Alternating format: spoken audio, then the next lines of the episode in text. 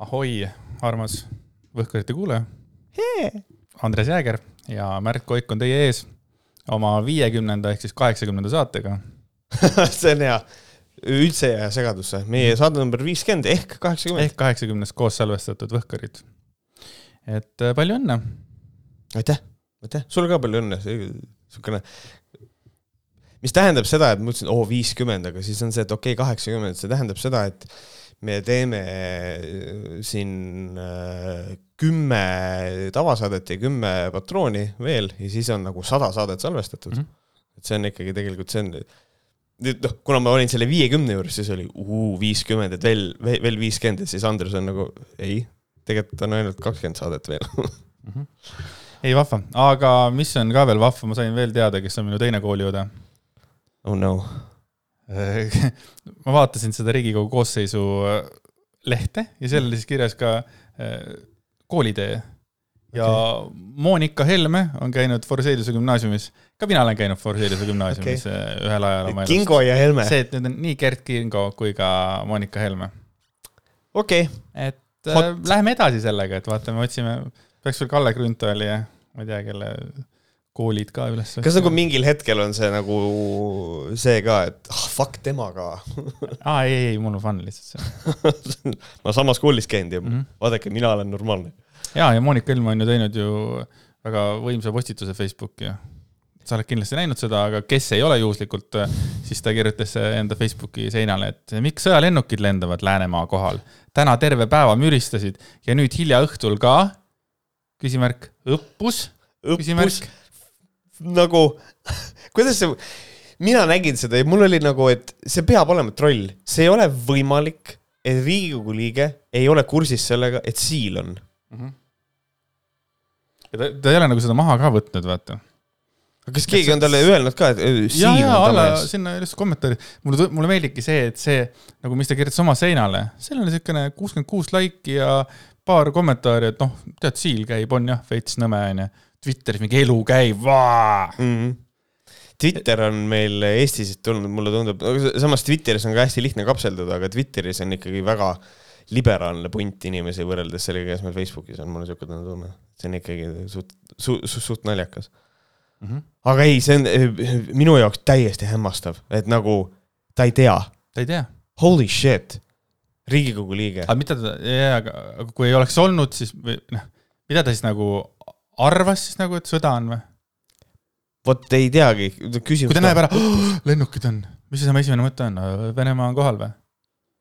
ma ei tea, mingi red flag operatsioon käib, ma ei, ma ei kujuta ette. aga noh, Gert Kingo tegi ka siin äh, postituse, kus ta äh, kirjutas Facebooki, et piltlikult on meil kolmkümmend viis protsenti inimesi sulgudes Reformierakond, Norstati uuring kuusteist null viis kuni kakskümmend kolm null viis kaks tuhat kakskümmend kaks, kes usuvad valitsust, olles ise Peeru valgel külmas toas näljas, siis oli ahvi need emotsi-, emotikonid ma nägin jah, üks oli, kirjutas reply desse väga ilusasti, et äh, see oli vist sinu tweetile vastu, et äh,, et mulle meeldib, et Kingo on pannud kolm selfit ka mm. -hmm. see oli suht räige. nägin seda, kuradi Kingo tegi nalja ja äge nali, noh, see EKRE vend, oh, Kingo on ikka äge raisk. täie heinaraisk täpselt, äh, see kuidagi teebki nagu mul ka nagu meele nii kurvaks, et nagu need inimesed ei pea ilmtingimata Peeru valgel istuma, et äh, aga hea küll, ma ei tea. nagu ei, aga ma mõtlen ka, et Reformierakond, noh, kes valivad Reformierakonda, aga nemad ei istu Peeru valgel mm. -hmm. Nemad valivad Reformierakonda ju. jah, sest et nagu äh, kes usaldavad valitsust, ma ei tea, tegelikult mind huvitaks väga palju, et äh, kuidas nende asjadega tegelikult on, et kuidas Eestis äh, on, et kas Eestis valitakse ikkagi ainul, ainuüksi ideoloogia, et eks kõik on esindatud. või on nagu see ka, et ma valin Reformierakonda peaasjalikult nende mingisuguste poliitiliste sammude pärast, mis neil plaanis on ja kõike seda, et ikkagi ma kujutan ette, et ikkagi see mingisugune Riigikogu valimistel, et kava ja mis me nagu teeme ja mis meie eesmärgid on, et mina nagu lähtuks ikkagi nagu nendest asjadest huvitav oleks teada, kas keegi on teinud mingisugust äh, suureulatuslikku uurimustööd nagu Võhkarite kuulajate kohta, on tehtud ka seda, mille järgi tegelikult valitakse inimesi sinna, sest et äh, ma ise tunnetan ka päris palju seda, et, et, et, et ma, et ma olen ka hästi palju nagu kuidagi EKRE, EKRE nagu vastu Mm -hmm. mis tähendab, et, et, et nüüd, nüüd ei ole enam nagu päris nii, et oh, kas ma pooldan Reformierakonna mingisuguseid mõtteid eh,. ma pigem nagu olen noh, EKRE vastumõtetega siis ongi see juba nagu sihuke vastuhääl hakkab tulema mm. -hmm. ma ei ole küll niimoodi veel hääletanud, aga ma nagu, mu häälestatud äh, on, häälestatus on see sinna kuidagi poole minemas, mul on tunne nojah, aga noh, teisest küljest on niimoodi, et äh, sinu maailmavaate kohaselt, eks see vast ikkagi niimoodi on, et äh, isegi kui sa nii-öelda hääletad vastu,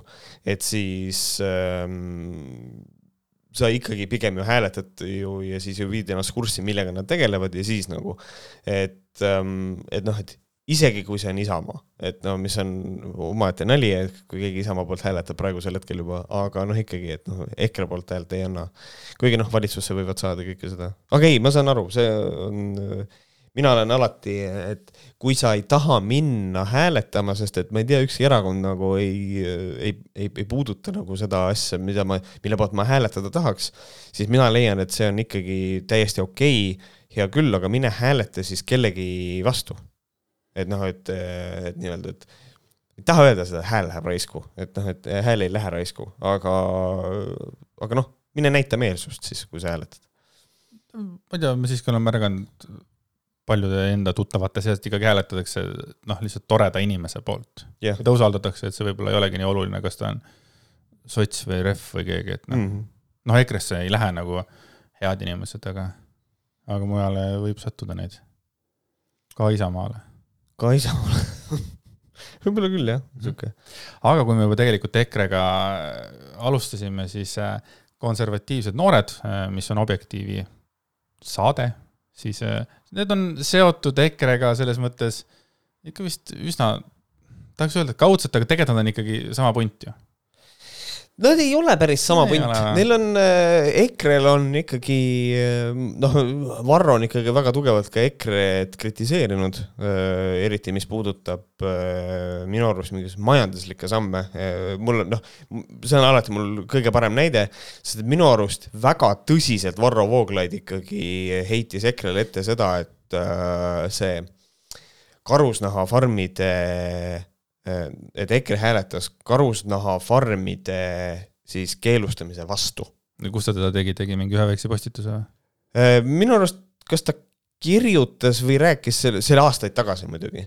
Äh, ma ei mäleta, kas see oli video vormis või oli see mingi väikese artikli vormis, et see ikkagi oli, natukene nahutas neid küll noh, mis juba näitab seda, et no päris üks punt ikkagi, ikkagi ei ole, küll ideoloogiliselt üksteisele suhteliselt lähedal. jah, Varro ütleb ka, et ta tahaks minna poliitikasse võib-olla, aga tal ei ole veel, ma ei tea, kas ta ei öelnud päris nagu seda mingit erakonda või ei ole nagu väljundit veel selle jaoks, aga mm never say never, vaata. jah, no mis on õige et äh, ma kujutan ette, et tema väljund on oluliselt äh,, kuidas ma ütlen, religioossema nagu mõjutatusega kui EKRE-l kuigi EKRE-l on see sees küll, vaata EKRE-l minu arust nad ikkagi räägivad sellest kristlusest, aga nagu ähm, seda on seal sees, aga ikkagi suht vähe. ma arvan, et Varro viiks selle asja nagu tõdemeks. oled sa rääkinud, oled sa kuulnud viimasel ajal Varrot jumalast rääkimas või? tead, ta ei räägi endast viimasel ajal väga palju. aga aga ei, aga noh, selles mõttes ikkagi neil on taustal kogu aeg see loomuomadused ja siuksed, et mis asi on moraalne, amoraalne, et need on hästi nagu siuksed absoluutide peale üles ehitatud ja dogmaatilised seisukohad. selles mõttes ma ikkagi arvan, et seal oleks väga tugev kristlik nagu põhi all kogu aeg mm. -hmm. aga Objektiivis siis Youtube'i saade Noored konservatiivid on ka kindlasti väga moraalsed äh, noormehed, noormehed äh, võiks öelda jutumärkides, sest nii mõnedki neist näevad välja vanemad kui siin mõned toasistujad äh,.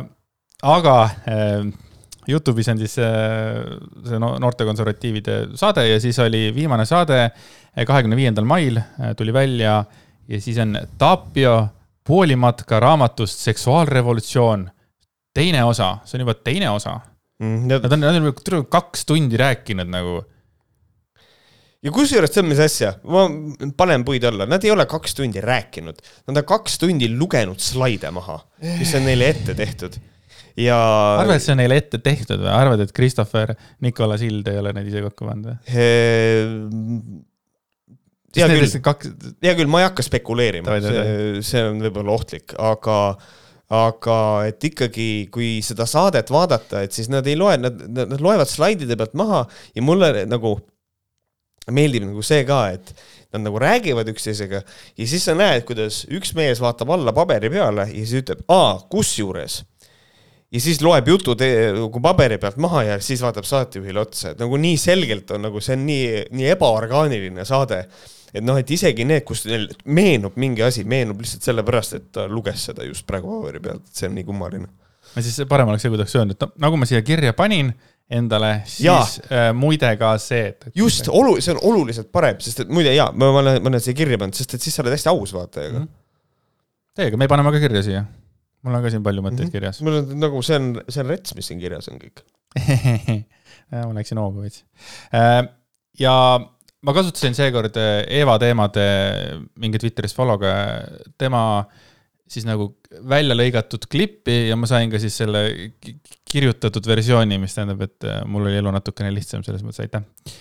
suur tänu, jah ja mida siis Christopher Nicolas Hild ehk siis saatejuht äh, kohal ütles siis seal klipis, et loomulikult võib mees ka teatud mõttes õrn olla, aga jutt käib rohkem sellest, mis sulle on loomuomane, mida arendada ja nii edasi.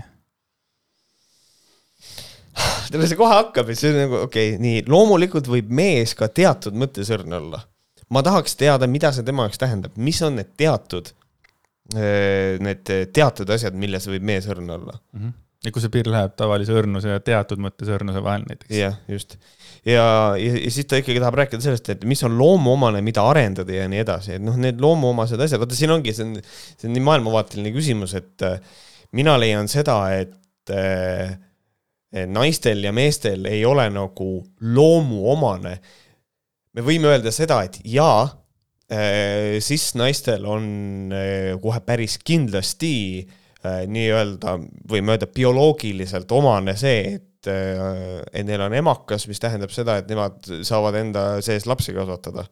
jah, aga sotsiaalses mõttes ei pane see neile loomuomaseks kohustuseks lapsi saada et siin me jõuame nagu selleni, et mina, millena mina näen igasugused, asjad on loomuomased, on see, et loomuomased asjad on suhteliselt universaalsed inimesel on loomuomane olla, võib-olla rääkida vahepeal juttu, mis on iseendaga vastuolus. Äh, loomuomane on teha inimesele irratsionaalseid otsuseid.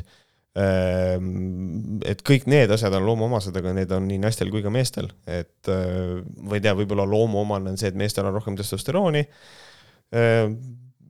et kõik sellised asjad, aga need ei määra nagu seda, kuidas ma ütlen noh, kuidas inimene sotsiaalsfääris käituma peab, et nagu seda see ju paika ei pane. Ja kusjuures ma mõtlesin selle peale ka, et et see tundub nii elementaarne nagu minul nagu sihukest asja rääkida, et kuidas minu arvates need asjad tegelikult on, aga siin ongi nagu see, et on kaks väga eraldi reaalsust on.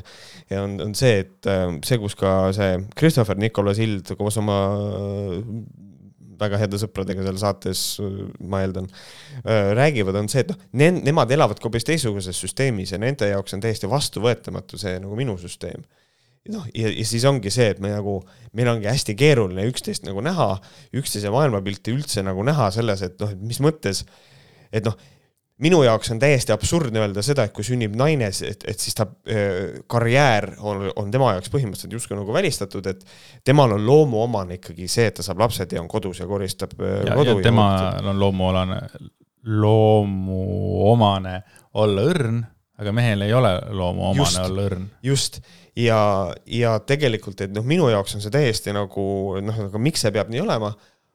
ja täpselt samamoodi ma nagu puht empaatiliselt ma pean sellest aru saama, et nagu Christopheri enda jaoks on, on see minu süsteem täiesti nagu, mis, mis mõttes ei ole loomuomane naisele ja tema suhtub sellesse täpselt samamoodi. aga kui tal on endal õrnustunne peal, kas ta siis nagu surub selle alla lihtsalt, ta on ikkagi karm mees või?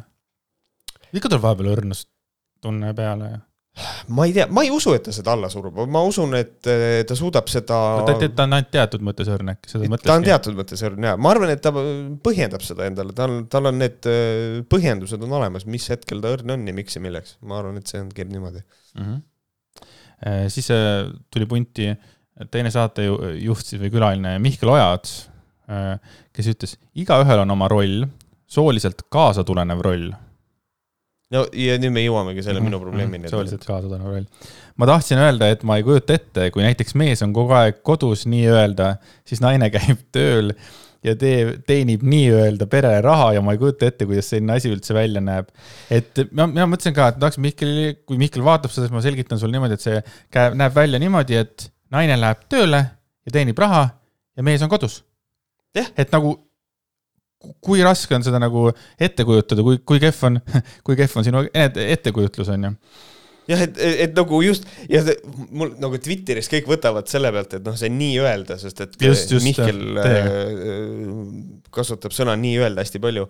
aga just nimelt, et, et, et see mõte, ma ei kujuta ette, et näiteks mees on kogu aeg kodus naine käib tööl ja teenib perele raha ja ma ei kujuta ette, kuidas selline asi üldse välja näeb. sa just sõnastasid selle ise ära, kuidas see asi mm -hmm. välja näeb.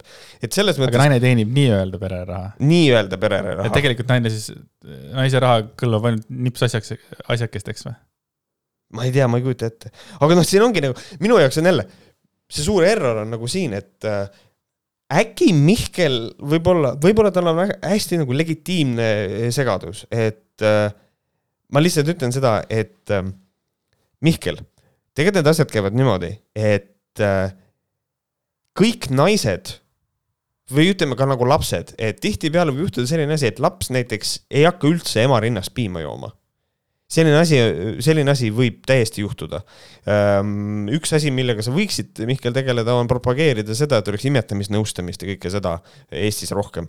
aga võib ikkagi juhtuda, et laps ei taha üldse minna rinnapiima peale, mis tähendab seda, et ta kas hakkab sööma piimasegu või äh, siis äh, pumbatakse rinnast piim välja ja antakse seda pudelist.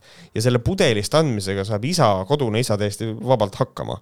et Äh, ka mina olen seda teinud, kui minu abikaasa nüüd Mihkel Rahune mitte tööl ei käinud sellel hetkel, ta käis lihtsalt väljas korra. Ähm, et mina olin lapsega kodus ja kui lapsel oli kõht tühi, siis ma ostsin talle pudelist piima, et see on, see on täiesti võimalik. et see, ma ei saa aru, mis see nii müstiline siin on, aga ma olen nõus alati Mihkel sinuga rääkima nendel teemadel. see on mingi egopauk võib-olla või? ma kardan, et, ma kardan, et et äkki ei ole, ma kardan, et äkki see on niimoodi, et see on lihtsalt nende mina olen jaoks. mees, mina olen mees, mina teenin raha, naine, sina, Jane, kodus. okei okay,, nüüd ma astun, nüüd ma astun räigelt üle piiri ja ütlen seda, et Mihklile peale vaadates ma ei usu, et ta selline mees on. ma lihtsalt ei usu, anna andeks, ma ei usu. Ma olen mees, ma ei usu seda elu sees ehm.... You never know, niisugune animal see mees võib kodus olla ma nüüd ei süüdista Mihklit ega Christopheri ega seda kolmandat eh, jobukakku seal olemas. Eh, või kuidagi nagu vägivaldsed. metsikud või vägivaldsed onju aga, aga noh, aga seal on mingid sellised, et siis kodus on mingi. no nii raisk. raisk, lapsed. no mul on nüüd lähedalt võtta. mina ei anna pudelist süüa lapsele, lollakas oled who knows, aga, aga jah, aga mina mõtlen seda ka, et see võib olla niimoodi, et kui inimene on kasvatatud ja noh, ma olen nüüd kuulnud selle inimese tausta ka natukene, aga, aga las olla. et aga see võib olla võimalik lihtsalt see, et ta on enda jaoks leidnud, äh, see on tema jaoks lihtsalt nii enesestmõistetav, et mees käib tööl ja naine on kodus. et kui keegi väidab talle vastupidist siis tal ongi lihtsalt oot-oot-oot, aga kuidas see üldse välja peaks tegema, ma ei, ma ei ole isegi mõelnud, et niisugune asi võimalik saab olla. et äh, võib-olla see ei olegi nagu egopauk, võib-olla see on lihtsalt konkreetne, lihtsalt kognitiivne dissonants, ta ei ole võimeline aru saama, et kas tõesti niimoodi saab. ma ei tea, ma ei kujuta ette mm.. ma tahan talle nagu vastu tulla selle koha peal, ma ei tea, ma, ma ei taha uskuda, et ta on ärga teis. Soomes teenib nii kõva pappi, et noh. ta elab Soomes. ta elab Soomes, jah et selle kallal võiks silkuda, aga kuna te ei räägi siin praegu Eesti tulevikust, siis äh, ei ole praegu põhjust. Good point, Andres, väga hea. nii, mida siis ütles Christopher Nikola Silt selle peale, isegi kui naine käib tööl, käib, eks ole, tööl, siis toidulauale ja vastutuse mehe ja last äh, või naise laste eest võtab mees ja ainult mees isegi kui naine isegi käib kui tööl. naine käib miks tööl. miks naine ei võiks käia tööl? Christopher miks ei võiks käia naine tööl? mis, mis on selles nagu sinu jaoks veidrat, et naine käib tööl? Nikolas äh?? tema ütleb seda, et see ei ole naisele loomuomane. et see on, see on loo-, see on nagu loomuse poolt ikkagi paika pandud, et mees käib tööl ja on see nagu see provider. see on tema argument, ma arvan. kui Christopheriga midagi peaks juhtuma elus, noh, loodame, et ei juhtu, ja nai-, naine, naine nagu has to take over nagu mis siis saab, kas tema elu on nagu läbi siis või? või see ma, ei ole võimalik või? ma ei tea, no võimalik. kui midagi juhtub, siis nii palju, kui mina olen nüüd kõrvalt hinnanud, et mis asi see traditsiooniline pere on, siis see traditsiooniline pere on igaveseks lõhutud. et selles mõttes see ei saa, sest et naine, mees ja nende lapsed on traditsiooniline pere. mis tähendab seda, et kui näiteks peaks juhtuma niimoodi, et nüüd meest ei ole enam kõrval, ütleme, et noh, ütlemegi, et noh, midagi juhtub, noh, et seda inimest ei ole enam siis äh, traditsiooniliselt kõige vastuvõetavam on see, et keegi siis abiellub minu naisega. aga noh, aga see ei ole traditsiooniline pere, sest lapsed ei ole need omad, et noh, see on, et noh, et mu naine ei peaks tööl käima, et ta saaks elada seda naise elu, ma eeldan, et see peaks olema nii. Mm.. vaatasin seda saadet muidu, muidu ka tegelikult, mitte ainult seda klippi. kõigepealt alguses nad mingil põhjusel hakkasid rääkima panseksuaalsusest. Äh, ma siis nagu kohe nagu guugeldasin panseksuaalsust, kas see on sama nagu see, millest nemad räägivad ja minu arvates päris ei olnud.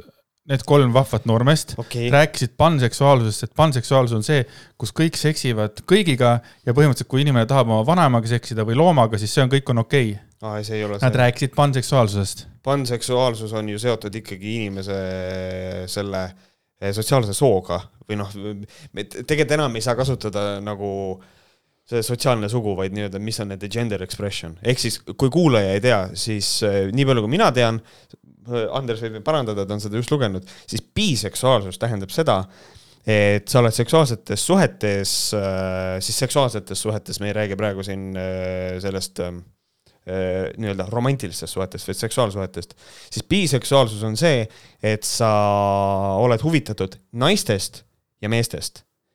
Panseksuaalsus tähendab seda, et sa oled huvitatud inimestest, mis tahes on nende see Äh, kuidas nad ennast identifitseerivad. ehk siis, kui keegi ütleb, et ta on, äh, ütleme siis äh, nii-öelda mittebinaarne, siis biseksuaalne inimene ei huvitu mittebinaarsest inimesest, vaid mm. ta on naised ja mehed tema jaoks. nii ütleb ka mulle see, aga on, nemad rääkisid äh, vanaemaga keppimisest ja, ja loomadega keppimisest ja siis mul oli ka nii, et holy shit. kuidas te, te, te alles tegite, hakkasite saadet tegema ja juba räägite loomaga seksimisest.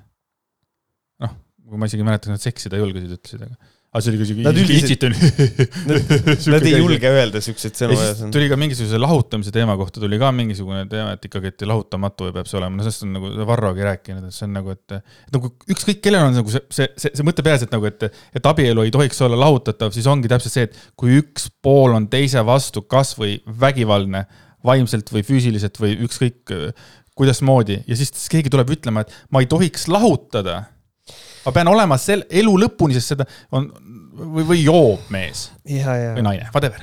vaata, nad räägivad üldse nendest kuradi äh, signaalide saatmisest, vaata, mis on, mis on see, et noh, meil on, sa saad abielludes vaadata, kas see on ühisvara või on lahusvara mm., et see annab signaali, et see abielu ei ole loodud nagu kestma. aga mulle meeldib see, et nad nagu keelduvad nagu kas sellele tähelepanu juhtimas või nad ei saa ise aru, et see, et nemad ütlevad, et abielu peaks olema lahutamatu, viitab sellele, et neil on hirmus hirm lahku minna. et kui abielu oleks, äh, et nagu, aga kui sa abiellud ja suhtes on kõik korras, siis ju ei ole lahutamise no nendel kolmel on kindlasti hirm naha vahel. Vartsikul, ma kujutan ette, võiks olla nagu mingit fänn ka jälle kelle ta suudaks ära sebida.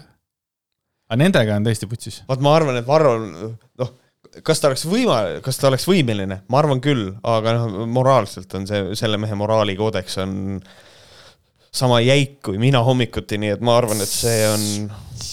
nojah, aga kui praegu raha ei tule, eks ole, on ju, võib-olla ka need eelnevad raha vastuvõtmised ei oleks ka meie jaoks olnud moraalsed, tema jaoks olid, moraalid ikkagi liiguvad nii, nagu vajadus on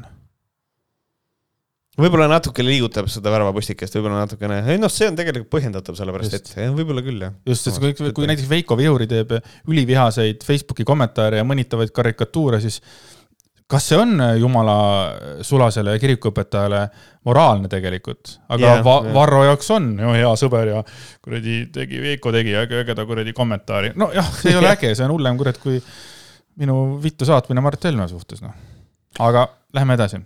Christopher Nicola Sild ütles veel seda.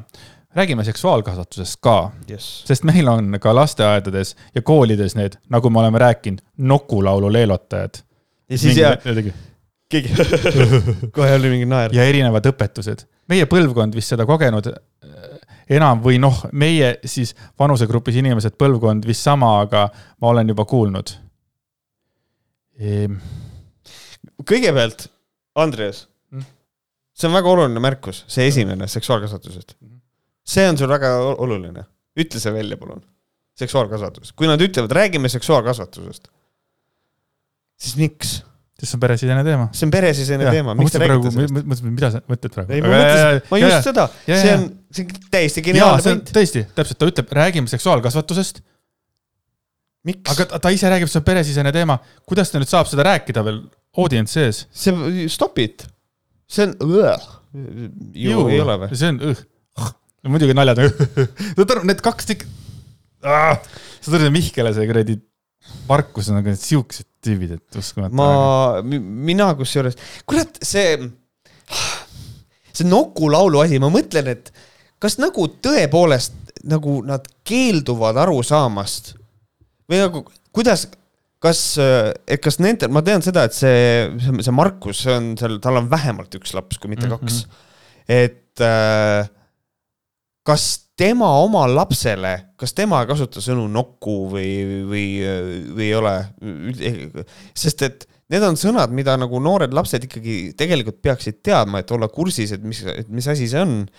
et äh, sest, et kui sul tuleb pedofiil ja kasutab sõna, mida laps ei tea, siis ta ei tea ka seda, et see, mida temaga tehakse, on vale ja see on, seda teemat on nii palju leierdatud mm -hmm. ja nad lihtsalt keelduvad sellest aru saamast. leelatatakse seda teemat. leelotatakse hoopis, et mingid nokud ja tussud, mis siis on? Mhm. kas nagu, et nagu selles mõttes, kui sinu lapsel ei ole nokut ega tussut, siis sul lapsel on mingi väga eriline meditsiiniline konditsioon. et selles mõttes, et see tundub, ma ei tea, ei saa aru.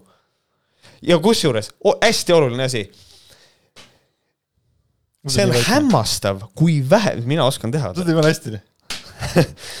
see on hämmastav, kui vähe on äh, internetis tegelikult informatsiooni selle pealt, et mitte nokulauludest, aga näiteks äh, vanematele, et noh, oletame, et keegi tahab, sest et noh, ju ei tea, et värske ema otsib, saab poja ja otsib, et noh, et kuidas üldse nagu pesta ja hooldada seda eh, nüüd ma ütlen selle sõna välja, see on hästi õudne, nokut.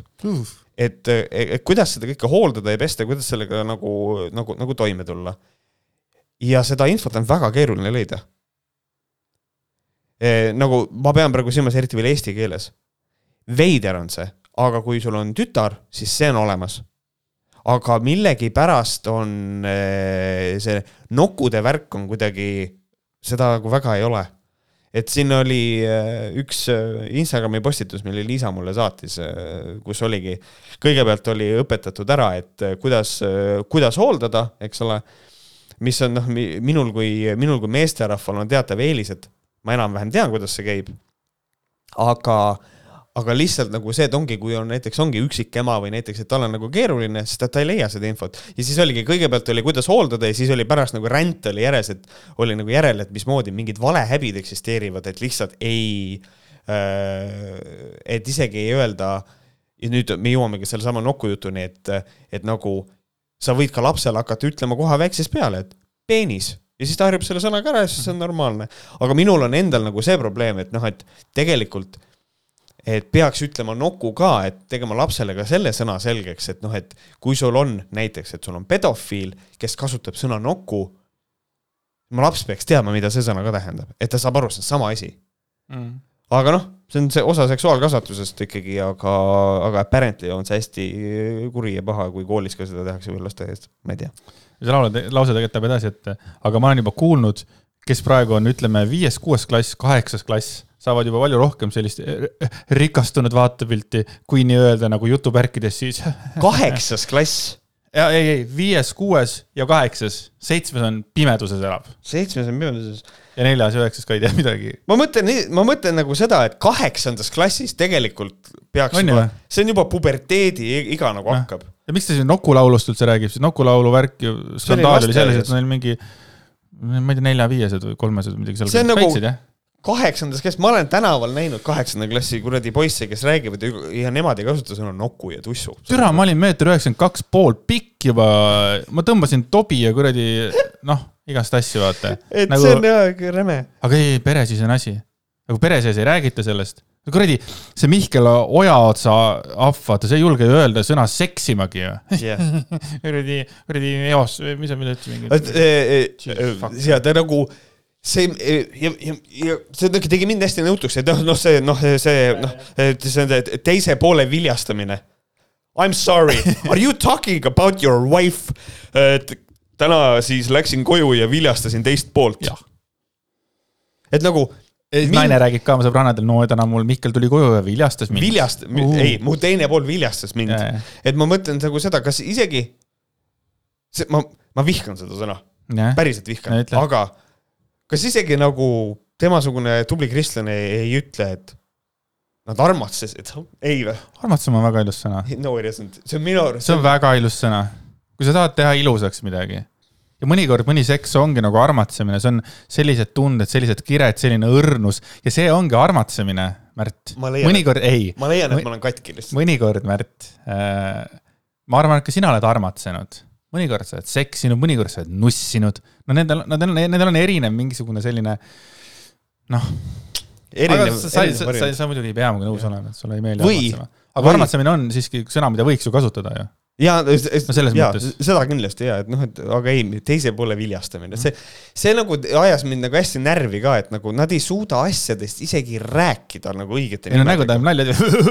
et kui keegi ütleb Nokku laul, siis on aga see näitabki, et they are very immature. Nad on lapsikud alles. nendest, ma kujutan ette, nendega ei ole räägitudki sellest. aga see ongi peresisene asi, selleks ongi nende jaoks nii suur häbi või? noh, et see ongi, mina mäletan ise ka, sest et mina olin, kui minu ema rääkis mulle, mis asi on seksimine, ma ei, see oli enne kooli. ja siis oli mingi, meil kas mingi terviseõpetus või pereõpetuse tund. ja siis oli see, et ma mäletan, et äh, mul vist oli mõni klassivend, kellel oli olnud, olnud samamoodi ja siis meie olime ainukesed, et kui hakati rääkima mingitest kondoomidest, asjadest, kellel ei olnud mingit sihukest asja, me lihtsalt istusime, kuulasime, me teadsime seda kõike juba. ja siis oli, et no jaa, kasutatakse, jaa, tean.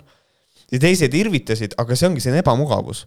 see on absoluutne ebamugavus, see on, see on cringe teema, ma ei ole seda kunagi enne kuulnud, siis hakkad- irvitama, noh, täielik cope.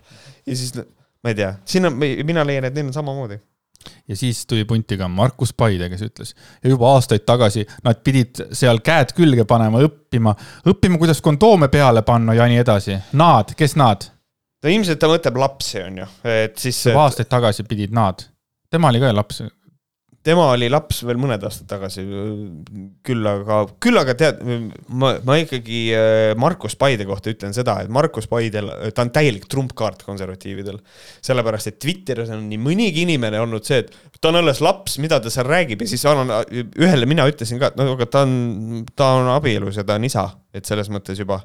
Ja siis on kõigil nagu, nagu suu vahtu täis kohe. ta on sellepärast siis trumpkaart või? ta on trumpkaart sellepärast, et teda rünnatakse tema välimuse pealt, öeldakse, et ta on okei, laps. okei. ja siis ta on kohe I get, I get that, aga ta ei ole trumpkaart nagu seal saates, Ja- ta, ei, ta jääb, ta ta Ja, ja. paistab välja siukene koki ja siukene vastik ja siukene, et Mihkeliga on nagu pilt selge. ta ei saa midagi aru, ta ongi selline tuhvel, aga see nagu kujut-, ta on täpselt ma ei oska, ma ei leia, ma ei oskagi sõnu leida, kui, et mi- miks Markus on minu jaoks nagu veel, veel eemale tõukavam kui koki Mihkel. on. hästi hea sõna, ta tundub hästi koki.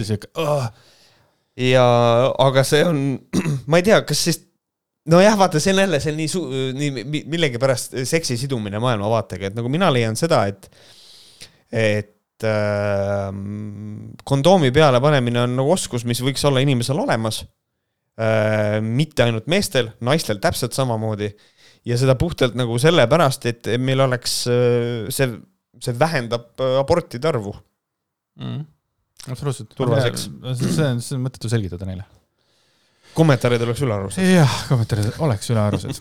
Mihkel jätkab, kusjuures mina mäletan ka oma põhikooli ajast, see oli siis seitsmes kuni kaheksas klass, siis aasta oli umbes kaks tuhat seitse ja kaheksa, oli bioloogiatund või mingisugune ainetund oli siis see, sinna ainetunni asemele tuldi need, tulid need terviseõpetajad kohale.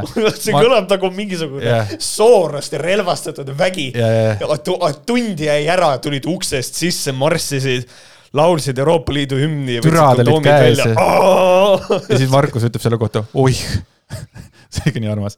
siis Mihkel jätkab, et lihtsalt ühe kooliainetunni peale lasti need tervisetädikesed rääkima ja siis samamoodi praktiseerima neid kaitsevahendeid, peale toppima ja nii edasi neid asju. see oli jah, selline peale toppima neid asju, saad aru, et see vend ei suuda isegi kondoom öelda ja ma ütlen ausalt, see on lihtsalt kurb. see on väga kurb, ma kuulsin eile äh, ühes kohas, kus me koos sinuga olime, üks tüüp ütles preservatiiv. ma olin, ma ei ole kuulnud seda sõna kümme kuni kolmkümmend aastat, et see oligi hästi pull nagu. minu, minu kallis nõbu oli niimoodi, et tema kuulis äh, seda sõna valesti, preservatiiv. Preserv-, preservatiiv on ju. ei, ei no., see on veel parem.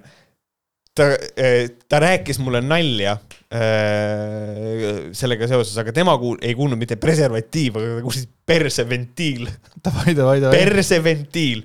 ja siis ta rääkis mulle mingit nalja, mis oli see, et noh, tegelikult nali oligi nagu selles, et äh, ah, see oli see, et äh,, et läheb äh, sinna äh, apteeki vanamees, ütles, ma tahaks kepikummi osta ja siis apteeker küsib, et kas te tahate perseventiili, noh, nõbu räägib, mis perseventiili, ei, ma tahan kepikummi. aa, ei, te tahate perseventiili ja, ja andis talle perseventiili ja siis vanamees oli öelnud, et mul, ma kulutan need kõik ju läbi.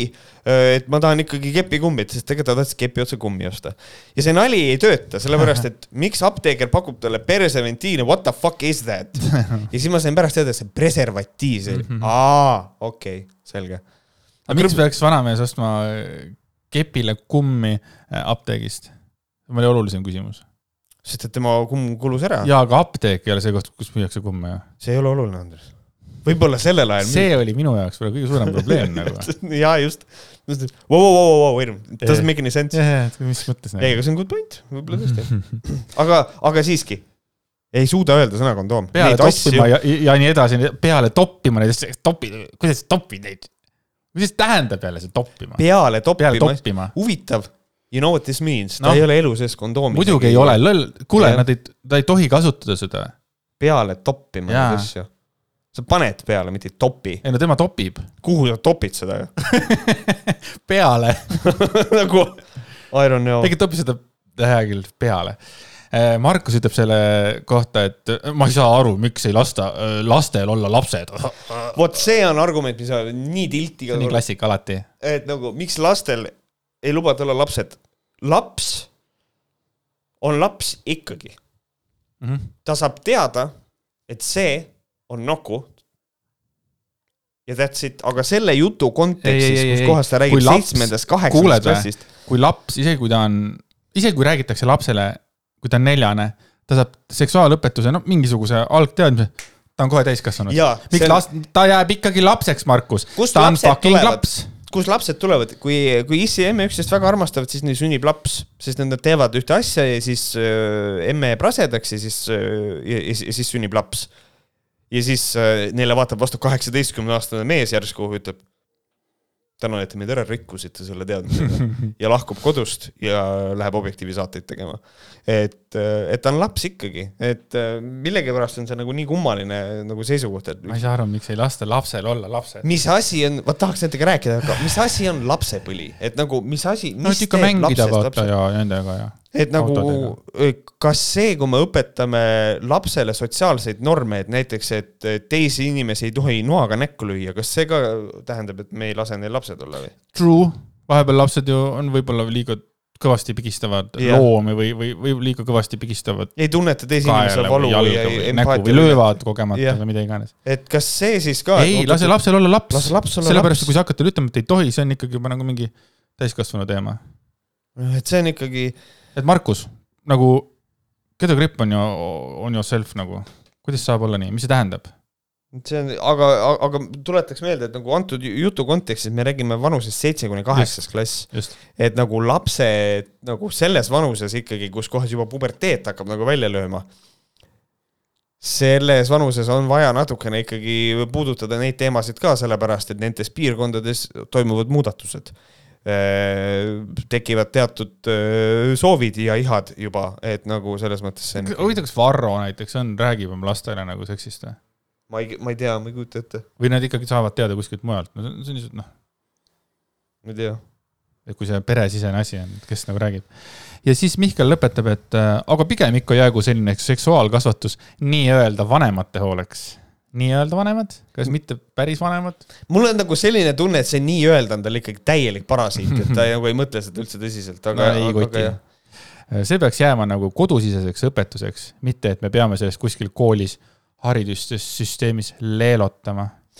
no mis tähendab seda, et kõik äh, sitad vanemad äh,, siis nendest äh, peredest tulevad sita seksuaalharidusega inimesed et mina leian seda, et me võiksime just, haridussüsteemi eesmärk ongi luua mingisugune standard, et meie noored kodanikud on mingitest teatud asjadest teadlikud ühiskonnas, et noh, et äh, meil on ühiskonnaõpetus, et me võiks ju täpselt samamoodi ühiskonnaõpetus öelda, et see on kodune kasvatus, kuidas ühiskonnas käituda. miks on see erinev seksuaalkasvatusest? vot ei ole suuteline aru saama mm. aga noh, eks see nende kõige suurem hirm on ikkagi igasugune äh, äh, homopropaganda ja siis, et keegi tahab äkki sugu vahetada ja see on nende põhiline hirm mm, -hmm. mina eeldan.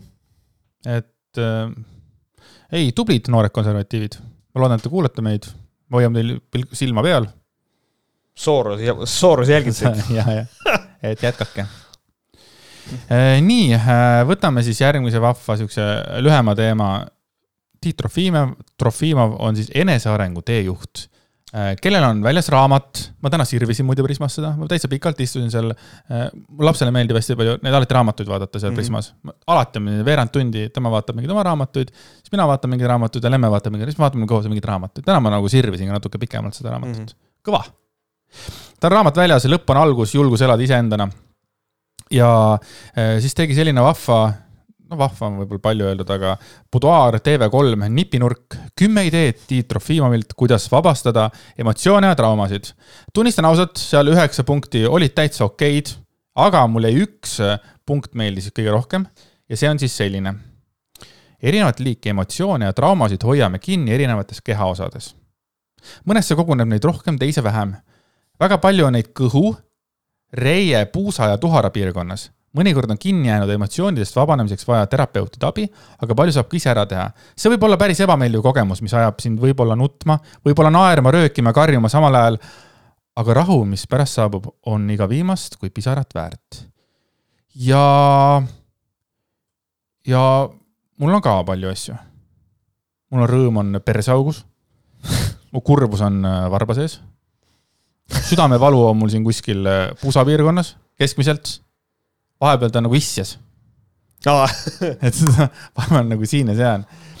et äh, tegelikult ma tahaks nagu Tiidu käest nagu rohkem infot saada, et, et mis emotsioonid, kas on nagu emotsioonid lähevad erinevatesse kohtadesse või on ikkagi mingid kindlad emotsioonid, äh, mis on äh, mingid kindlates kehaosades, et kui kogu aeg selg valutab, kas siis on nagu inimene mingid ra-, noh, selles mõttes. jah, siin on see, et mina olen Tiitu intervjueerinud kui ma tegin Rae valla noortekonverentsil, olin päevajuht, siis no äh, tore mees. Äh, ta on vastikult tore mees, ta on nagu, ta on nagu nii rõvedalt tore inimene, et see on, et, et, et see on nagu sihuke ah, et tal on nagu üldiselt tema mingid filosoofiad ja asjad, millest ta nagu kinni peab, on noh, see on sihuke classic case, et noh, tal on, nagu sa ütlesid, kümnest asjast üheksa tunduvad väga normaalsed aga siis on mingi üks asi, mis tekitab minus ka, kurat, aga kuidas on emotsioon kinni mu tuharas, anna mulle andeks, see, see ei ole, see ei ole loogiline, noh.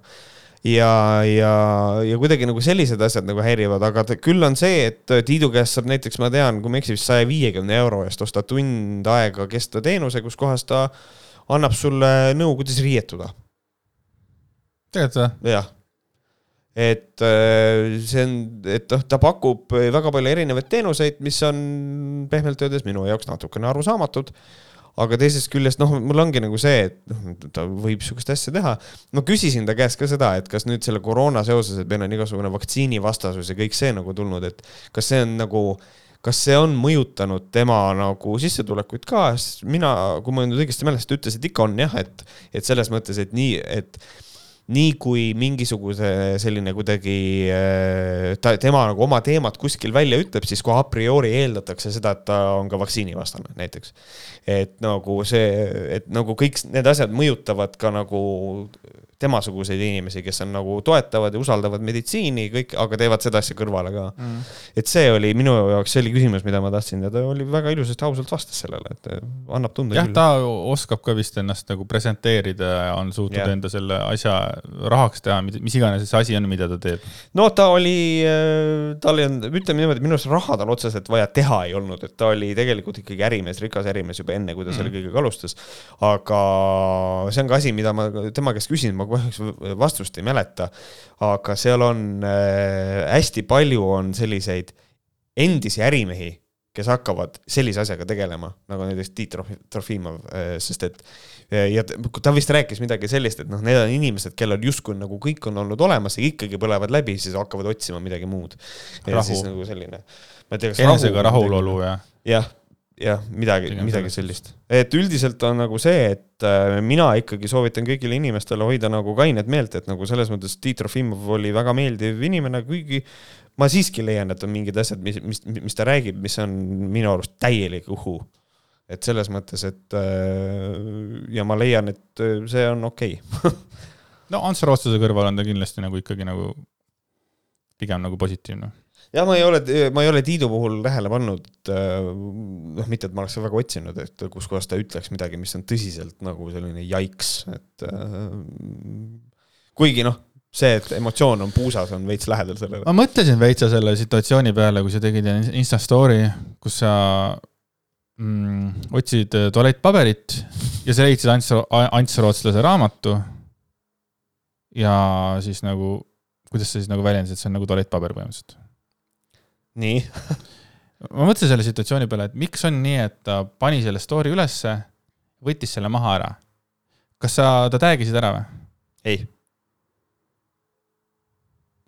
mul oli mõte, et äkki keegi ütles, et näed, vaata, mis Märt tegi sinust, näed, tegi, siis ta kohe vaatas, ahah, et automaatselt mingi tema raamat oli käes, kohe nagu pani see story üles ära ja siis alles ta sai aru, mida ta ülesse pani ma ei mõelnud selle peale Sest, üldse. ma kujutan ette, et ta nagu, tema saab ju ainult nagu noh, ma eeldan, et äkki kui ta, noh, kui kuidagi annab positiivset vaata, siis ta kohe nagu jagab selle ära ja võib-olla ta ei ole isegi vaadanud sinna sisse. Holy shit, võib-olla tõesti, ta oli lihtsalt see, et oo, et Märt tegi ja. mulle raamatule mingit reklaami või näitas mu raamatut ja siis pani üles ära, siis vaatas, oh wait, see ei ole üldse positiivne ja siis võttis maha, holy shit. aga sõbral lihtsalt ei ole sind ära kustutanud veel või?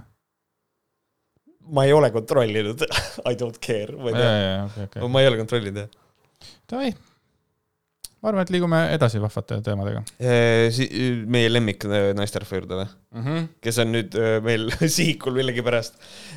jaa, lähme jälle, võtame Sihikul. Postimehe, võtame Postimehe taaskord, aga mitte lihtsalt Postimehes, aga nüüd Elu24, kus on juba enne olnud selline olukord, kus kohas on astroloog andnud ikkagi sellist ähm, poliitilist nõu ähm, öeldes absoluutselt mitte midagi pika artikli jooksul Ants Rootslase sõprade hulgas ei ole Märt Kuik ju.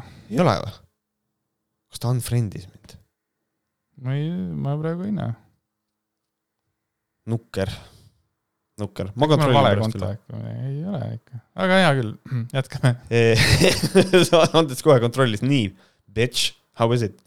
aga, mm, aga ühesõnaga siis jah, Margit Korbe on kirjutanud äh, artikli Täheseisud, mis on toonud Äh, Kaia hiiglaste, äh, Kaia hiiglaste tapja Kanepile nii palju võite ja kuidas läheb järgmine mäng? hiiglaste tapja või? hiiglaste tapja, jah. kõva.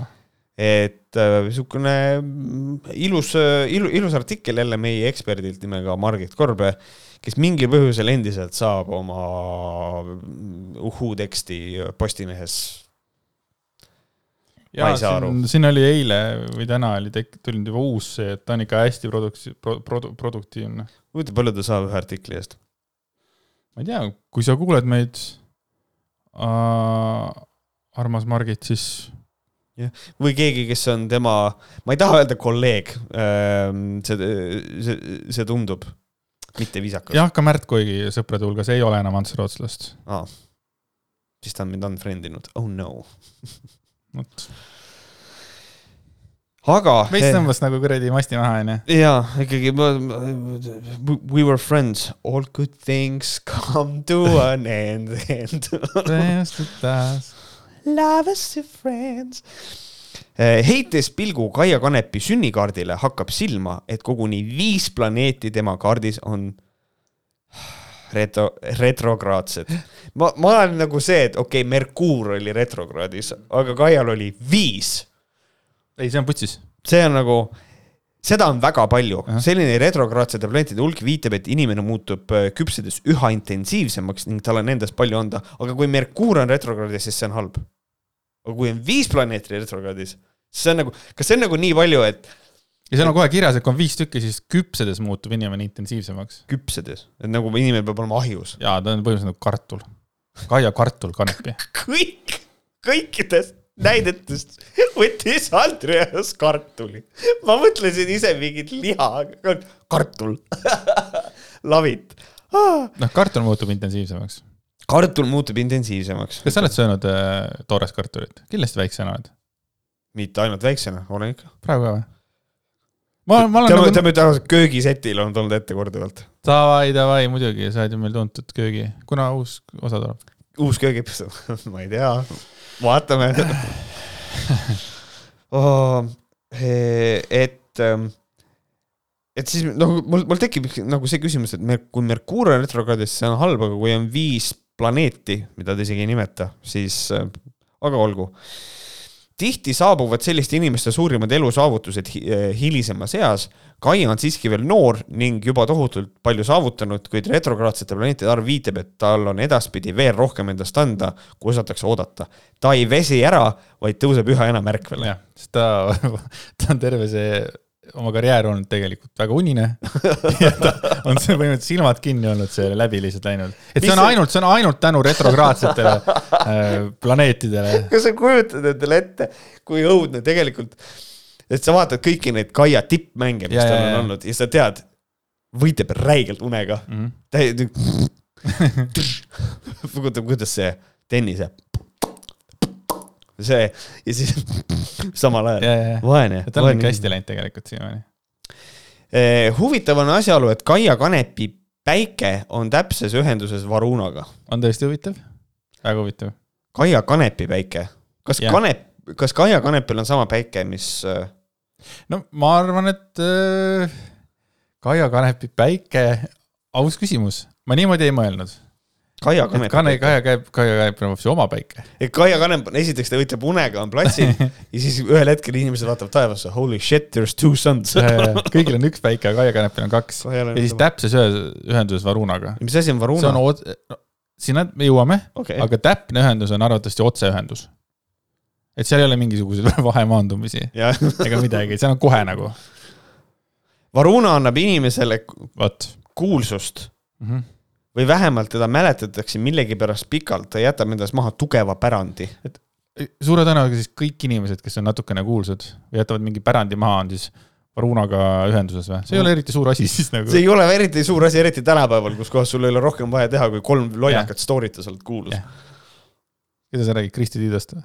ei, ei, for legal reasons never Ähm, aus. samuti mõistab see inimene intuitiivselt kosmilisi kõrgemaid seadusi, seetõttu võivad mõned tema ettevõtmised õnnestuda, mis teistele näi-, näivad võimatud. Varuna tagab ka seda, et, et teda ja tema tegemisi austatakse. väga hea, ühesõnaga sina ei, nagu sina ei kehtesta ennast ise mitte kunagi, Ei, vaid Varuna üleval. ja, ja Kaia ei ole mitte munnigi teinud, ta ei ole teinud äh, tööd, ta ei ole teinud oma elu äh, jah, noh, trenni, kõik need asjad, eks ole, aga see on ainult sellepärast, et tal on kõrgemad, vaata, vaistlikud tunnetused kõrgemate kosmiliste seadustega. jah, just, just. et intuitiivselt saab öö, kosmilisi seadusi, mõistab, et ma saan sellest aru, kui sul on elu hästi sitt, kõik on, kõik on hästi halb mm, -hmm. siis sa otsid alati põhjuseid ju väljaspoolt ikkagi. muidugi. et noh, et küll on süüdi tähtede seis, küll on see süüdi minu, ma ei tea, mõni tuttav. jah, Võhkarid ei saanud vaata ainukesest kohast, kus podcast'i ei kuulata, ei saanud parima podcast'i auhinda. kes on süüdi, Märt Märt on süüdi ja, ja, ja mina ütlen, ei ole mina süüdi, meil oli Merkuur oli retrokraadis, Märdi päike oli Jupiteri aanuses ja, sa, ja oligi. ja sul ei olnud otseühendust just, mul ei olnud ja Varunat, Varuna tagab, et teda ja tema tegemisi austataks, võib-olla sina ei austa Varuna, Varuna tegemisi ja..., aga samas sa oled jätnud äh, mingisuguse nagu endast midagi maha. ma ei teadnud, et Varuna olemas on, nüüd kus ma tean, nüüd läheb paremini äkki. E, e, nüüd sa tead austada võib-olla teda. ma tean võib-olla. aga kas Kaia teadis, et on Varuna olemas, enne kui ta või ta lihtsalt arvas loll, et ta teeb ainult tööd ja näeb rõvedalt vaeva. nüüd on kõik see, et ah, tere, ma ei oleks pidanudki tööd tegema. vot ei tea. peaks tegema sinuga veel eraldi podcast'i, uhuu podcast, kus kohas me reaalselt genereerime sellist sitta ja siis keegi jumala veendunult kuulab, ei nad räägivad jumala õiget, mingid energiat, kõik siis jumala õige jutt. ja siis mm. nagu. ma arvan, et me saaksime sellega hakkama. ma arvan, et me saaks hakkama sellega. sest läheb järjest paremini minu arvates, mina olen näiteks palju targemaks saanud. ma ei teadnud kaks kuud tagasi mitte midagi. mis asi, ma isegi ei tea, mis asi on retrokraad. ma ei tea siiamaani, ma ei oska seda sõnagi öelda retro, jah, noh et ühesõnaga, et äh, me peame tegema EKRE värki, me peame tegema niimoodi, et me võtame kogu selle jutu, me teeme lihtsasti maakeelde, paneme ja, ära. me panime ju eelmine kord. panime mingi... Patreonis panime. Patreonis oli kadraat äkki. kadraat, mõõtühik on see ja me saime teada, mingi asi on kadraadis. et okei okay,, mingi asi on meetris, okei okay,, makes sense. et me peame hakkamagi sihukest asja tegema, et see okay. on nagu. kui pikad need võiks olla need, kakskümmend minutit või räägime kolm tundi täis? See olen, tead, ma arvan, et see peaks olema tund aega maksimum, sest et lihtsalt rohkem me anname liiga palju energiat ära, siis me ei suuda järgmiseks saateks taastuda. True, eriti kui veel päike on retrokraadis. eriti kui päike on äh, kadraadis, ära aja sessi. ajasin juba. et, et siukene oh, on ikka kuradi asi küll. Äh, aga kuhu ma tahtsin jõuda, on see, et, kui on halvasti, siis me, inimesed otsivad nagu väljaspoolt. ja minu arust on hästi naljakas lugeda, et nüüd, kui kellelgi läheb väga hästi mm, -hmm. siis on vaja teha sedasama see on täpselt sama nagu vaata. mis mõttes teha sedasama? no, et on vaja sama, et on vaja põhjendada väliste teguritega, mitte nagu see, et mina tegin, ma olen, vaid, vaid on nagu see, et inimene on täielikult mingisuguste kuradi varuunade ja oma päikeste mm -hmm. mõjusfääris ja see paneb kõik paika, mis need inimesed teevad, mis lõppkokkuvõttes tähendab seda, et meil eksisteerib ikkagi ju tegelikult saatus, mis tähendab seda, et tegelikult inimesel ei ole kontrolli oma elu üle veits kummaline on see lihtsalt kõik, ma saan nagu sellest aru, kui ma otsin vabandusi, noh, mis on see mm -hmm., noh, tegelikult vaata, see on see vana nali, mida George Carlin tegi. Äh, polegi teda kaua aega maininud et et kui sportlastel, nagu USA, USA baasil siis, et kui sportlastel läheb hästi, siis nad öö, äh, ütlevad, et noh, et Jeesus oli nendega ja kõike seda, aga kui läheb sitasti, nad ei maini üldse. ja minu arust selline uhuu-värk on vastupidi. aga on naljakas on lugeda, kui, et kui läheb hästi, et siis ka ikkagi. ma tahaks teada, kuidas huvitav Kaia tunneb ennast sellist asja lugedes. ja kui Kaia, kui sa kuulad, sa kindlasti kuulad, kes ei kuulaks Võhkarit? absoluutselt et kui Kaia kuulad meid, siis võid kirjutada võhkarid.gmail.com, kuidas sa tunned, kui sinust räägitakse, et sina ei ole munnigi teinud, vaid yeah. sinu päike on retrokraadis ja sellepärast sa oled nii fucking hea kõik need su trennid. kõik jah, elu kõik, oled ohverdanud. kõik on see, kõik tragöödiad, mis sul on elus olnud, it's all about how the sun is just, in the sky, kõik. räme noh, ja nüüd kohe hakkab Märt lugema sinu füüsiliste võimete kohta, Kaia, sa ei ole sittagi trenni teinud, sest et sest et kui uurida lähemalt füüsilisi võimeid, ma ei tea, kuidas ta neid uuris lähemalt, I have no idea, siis äh, siis Gaia Marss on trigoonis Plutoga ja opositsioonis Neptuniga ja kusjuures mina uurisin Eesti valitsust ja ma sain teada, et Reformierakond on trigoonis Keskerakonnaga ja opositsioonis EKRE ja Isamaaga. et mida me nüüd selle informatsiooniga peale hakkame? et aitäh, Margit. see on nagu ta nagu sellega, see nagu põhjendab sellega ära, miks asjad nii on, kuigi ta ei seleta seda. massitrigoon Pluutoga on üks võimsamaid seise, eriti seoses inimese füüsilise energia, tahtejõu ja motivatsiooniga. Davai. tundub tegelikult loogiline mulle meeldib, et sa isegi ei saa seda sirge näoga öelda. ei, mul on jumala sirge, straight. massitrigoon Pluutoga, eh, vabandust, kuigi Marsi ühendus Pluutoga võib tunduda isegi võimsam, on siis juba suurem oht ka destruktiivseks käitumiseks. mida vittu? mida? vaatan, et kuigi Marsi ühendus Plutoga võib tunduda isegi võimsam, on siis juba suurem oht ka destru-, destruktiivseks vaata, sa oled käitumiseks., sa oled ju näinud ju Marveli filme, eks? ikka on jah, noh, eriti see on, viimaseid. see on nagu, ta oleks võinud siia tuua, sa oled nagu Hulk, sa oled nagu too strong. et nagu sa lööd reketit puruks. et Davai, vaata, davai, ta lööb, ta teeb tennisepalli, lööb nii kiiresti, et ta teeb äh, tennisepallist, vaata nagu Kreisi raadios tehti pekikuubikuid. ta lööb lihtsalt palli läbi ja siis kukuvad kuubikud et see on siis nagu, et võib-olla ei ole siis väga hea, aga et see see võib nagu üle piiri minna siis või? jah, just, just. Davai, trigoon, see kõlab nagu mingi aine. absoluutselt. trigoon aga annab loomuliku võime oma jõudu maksimeerida just siis, kui kõige rohkem on vaja. see ei ole tahtejõud või mingi või noh, ma ei tea, mingi pingetaluvus või, või oskus või väsimus või edasipüüdlikkus või? Need inimesed, need inimesed on loodud võitma. noh, mis ongi, kui sa oled loodud võitma, siis see tähendab, et nagu sa ei pea ju noh. mõnigi. It has nothing to do kusjuures Kaia on sitaks kaotanud, aga noh, ta ütleb ka selle kohta, aga ent isegi kaotades nad ei purune. Nad teavad oma salajasi jõuvarusid nad teavad oma salajasi jõuvarusid, ning milleks nad võimelised on, seetõttu ootavad nad lihtsalt järgmise võimaluse mida ära. teevad tegelikult kõik. mida teevad kõik inimesed. et kas meil on kõigil see trigoon või on, no ma ei tea, kas sa ise tunned nagu, et sinu Marss on trigoonis Plutoga ja opositsioonis Neptuniga või võib sul olla opositsioonis, kas Pluto on üldse fucking äh, jälle tagasi äh, planeediks saanud või? ei, ei, ta on välja arvestatud. aga nad ei ole jõudnud järgi, see astroloogia ei ole jõudnud järgi sellele. Neil on vana info, neil on software update tegemata. mina ise mõtlen seda, et miks kellelgi ei ole äh, Neptuuni asemel nagu näiteks Nibiruga ei ole kontakti. Võiks Nibiruga ka olla, ei tea. Marsi opositsioon Neptuuniga on aga keerulisem. veel keerulisem. see on veel keerulisem, aga me nüüd, ta seletab ka. see viitab, et Kaial peab olema unistus ja visioon, mille nimel võidelda. nagu sa enne ütlesid, nagu kõigil inimestel. ei, teistel ei ole, teised Teist- sportlased niisama vaivad seal, teised lollitavad trenni, vaata. Serena Williams on lihtsalt, et mida ma teen siin, ei saa aru. Ja vahepeal ta lihtsalt peab usaldama elu voolamist ning tunnetama elurütme, ehk siis make no decisions, uju selles, see on vool, aga see on mingi asi, mida Huulus ütleb ka, et nagu, et tunneta seda või? Tunneta elurütmi, tunneta, kõik loksub paika, usalda, usalda voolu, mine vo, vo, usalda voolu. usalda ka kontrolli. et aga ei, see on jah, et ärkad hommikul üles, maja põleb lahtise leegiga.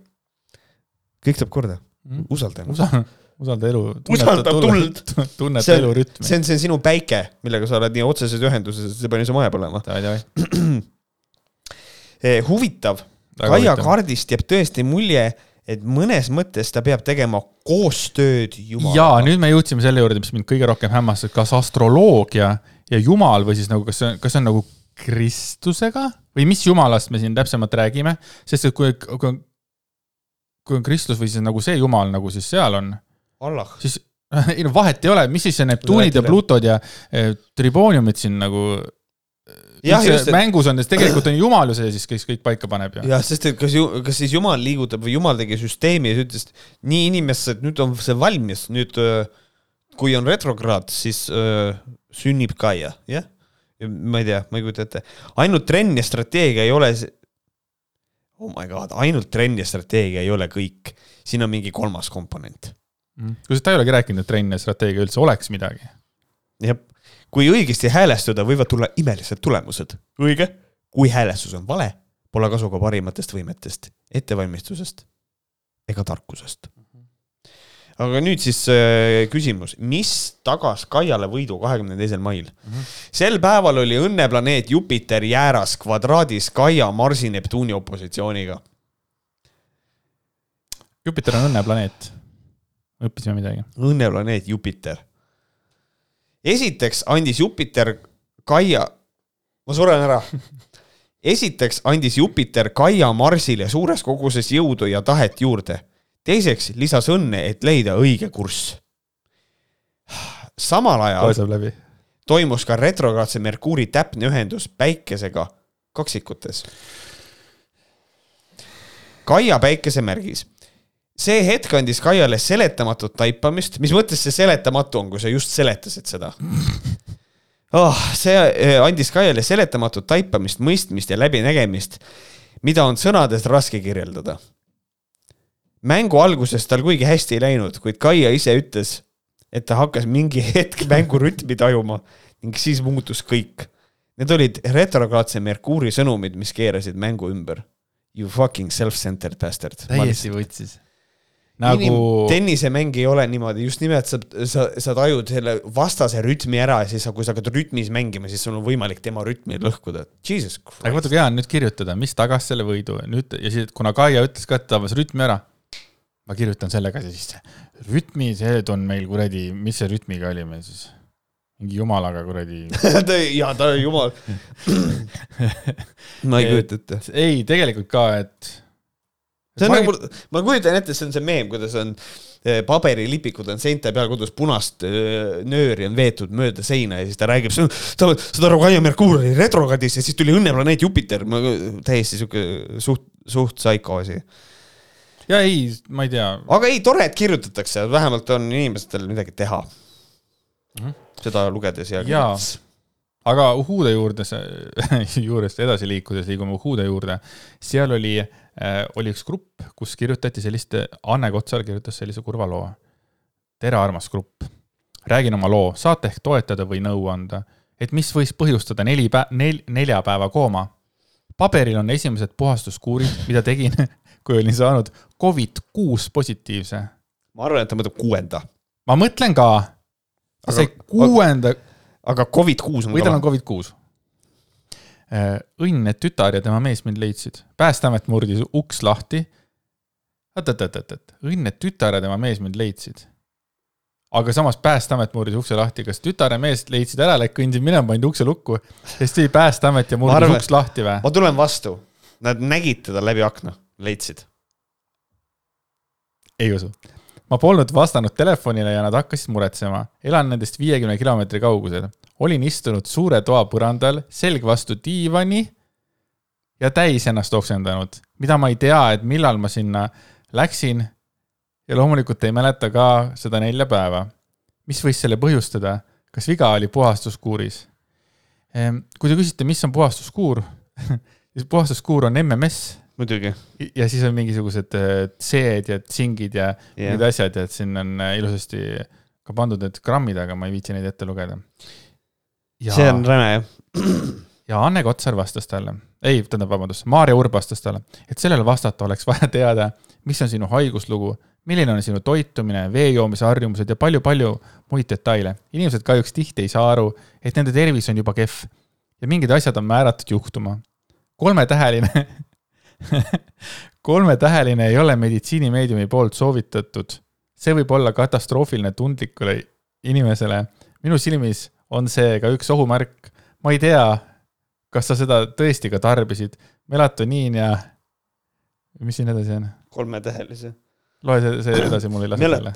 Eh, melatoniini ja kolmetähelise koos tarbimise kohta peab ka väga täpselt teadma, jällegi ei tea, kas tõesti neid võtsid, millele Anne Kotsar ka vastab ja ma võtsin neid eh, kõiki täpselt nii äh, nagu märgitud, eh, üks päev õnneks mitte rohkem ei võtnud siis olin juba koomas, soolad olid nullis, muidu toitusin kenasti, alustasin sidruniveega, mis selleri mahl, detox smuuti ja juurviljapudrut, kõik mittesoovituslikud toidud olid väljas, soola vähe. Ehm,. see on see on insane, kui see päris on, aga mulle tundub, et see on troll. miks sa arvad, et see on äh, troll? mina, või on see, et ta valetab lihtsalt, mina ei usu, et inimene oli te... neli päeva koomas. sa aa, sa, okei okay., sa mõtled seda osa, okei okay,, see selleks, aga sa ikka seda usud, et ta tõmbas MMS-i ja, ja temaga juhtusid asjad ja ta oksendas ennast täis ja nii edasi? seda sa päeva ikka, seda sa ikka usud ju? ma ei, no vot, ma ei tea. ma ei armasta näiteks Anne Kotsari sõbranna et noh, minul tekib lihtsalt see küsimus, et nagu neli päeva koomas. meil on, meil on Võhkarite kuulajate hulgas kindlasti inimesi, kellel on meditsiiniline looking at you, Otto, kellel on meditsiinilised teadmised, kas inimene võib oma, oma kodus istuvas asendis olla koomas neli päeva ja siis. Otto, Otto ei kuula ju Võhkareid. Otto ei kuula või? Ma eeldan, et ei kuulda. ma arvan, et üks Otto ikka kuulab, aga ma loodan, et ta on arst. Äh, aga siin ongi nagu see, et äh, noh, kellel on meditsiiniline haridus, palun öelge, kas see on võimalik, et inimene istub kodus on neli päeva koomas ja siis äh, sellepärast, et ta võtab ühe päeva, nagu ma siit välja loen, ühe päeva äh, MMS-i, ma ei usu seda. Sounds like bullshit to me, ma ei tea, milles võib asi olla, kas no,. okei okay mis iganes see ka ei ole, aga näiteks Maarja, kes nagu vastas, tema jaoks oli nagu suuremad noh, probleemid olid, mis on sinu eelnevad tervislikud probleemid ja, ja mida, kuidas sa tegid seda ja seda, onju. mitte see, et MMS ja see sitt mm -hmm. nagu, äh, et muidu on küll vaktsiin on iga asja, vaata midagi juhtub kellelgi. see, see, see, nüüd on niimoodi, oleks vaja teada sinu haiguslugu ja seda, kas kõik nagu. nojah, ta jõi MMS ja tegi mingisugust igasugust sitta, noh. E, et MMS on nagu em, tundlikel inimestel võib olla katastroofiline, seda nagu see, see on jah, aga kus ma tean, kas ma olen tundlik või ei ole? aga, aga kes, see MMS-i kuninganna on? Jaanika Veski oli. tema, tema küll ei ole üldse tundlikel inimestel on kahjulik, ma ei tea, kas ma uskuda nüüd Maarja Urbi. kas Maarja või Jaanika siin on nüüd, vali oma. siis ma ei saa võtta MMS-i. siis jah, jah, tundlik. ja mis mõttes tundlik, kas nagu lihtsalt, elu on nii raske ja siis ma ei tohi MMS-i võtta? või, või see, et äh, Organid Eesti mees suure tõenäosusega võib võtta. Eesti mees kindlasti võib. eriti vanakooli mees. eriti vanakooli mees onu, onu Heino küsib, sul juba all habe kasvab ja paneb, teeb seda. ja siis paneb pitsi MMS-i, ma arvan, et nemad võivad jah. viis viina mehe kuidagi oli see Anyway aga ei, niisugune lugu, ühesõnaga keegi väidab, et ta oli neli päeva koomas, võttis MMS-i ja siis küsib, et milles võis asi olla. et see on. mina, mina, mina usun seda. sina usud? jah okay., mina usun kõike, mis internetis kirjutatakse. kõik, kõik võhkrite meditsiiniinimesed ühinege ja andke meile teada, kas see võib võimalik olla ei no neli päeva koomas ta kodus ei saanud kindlasti olla, no see. seda ma ei usu. siis ta peaks. võib-olla neli tundi, siis mõtlesin, võib-olla, võib-olla ei tundu tõsine.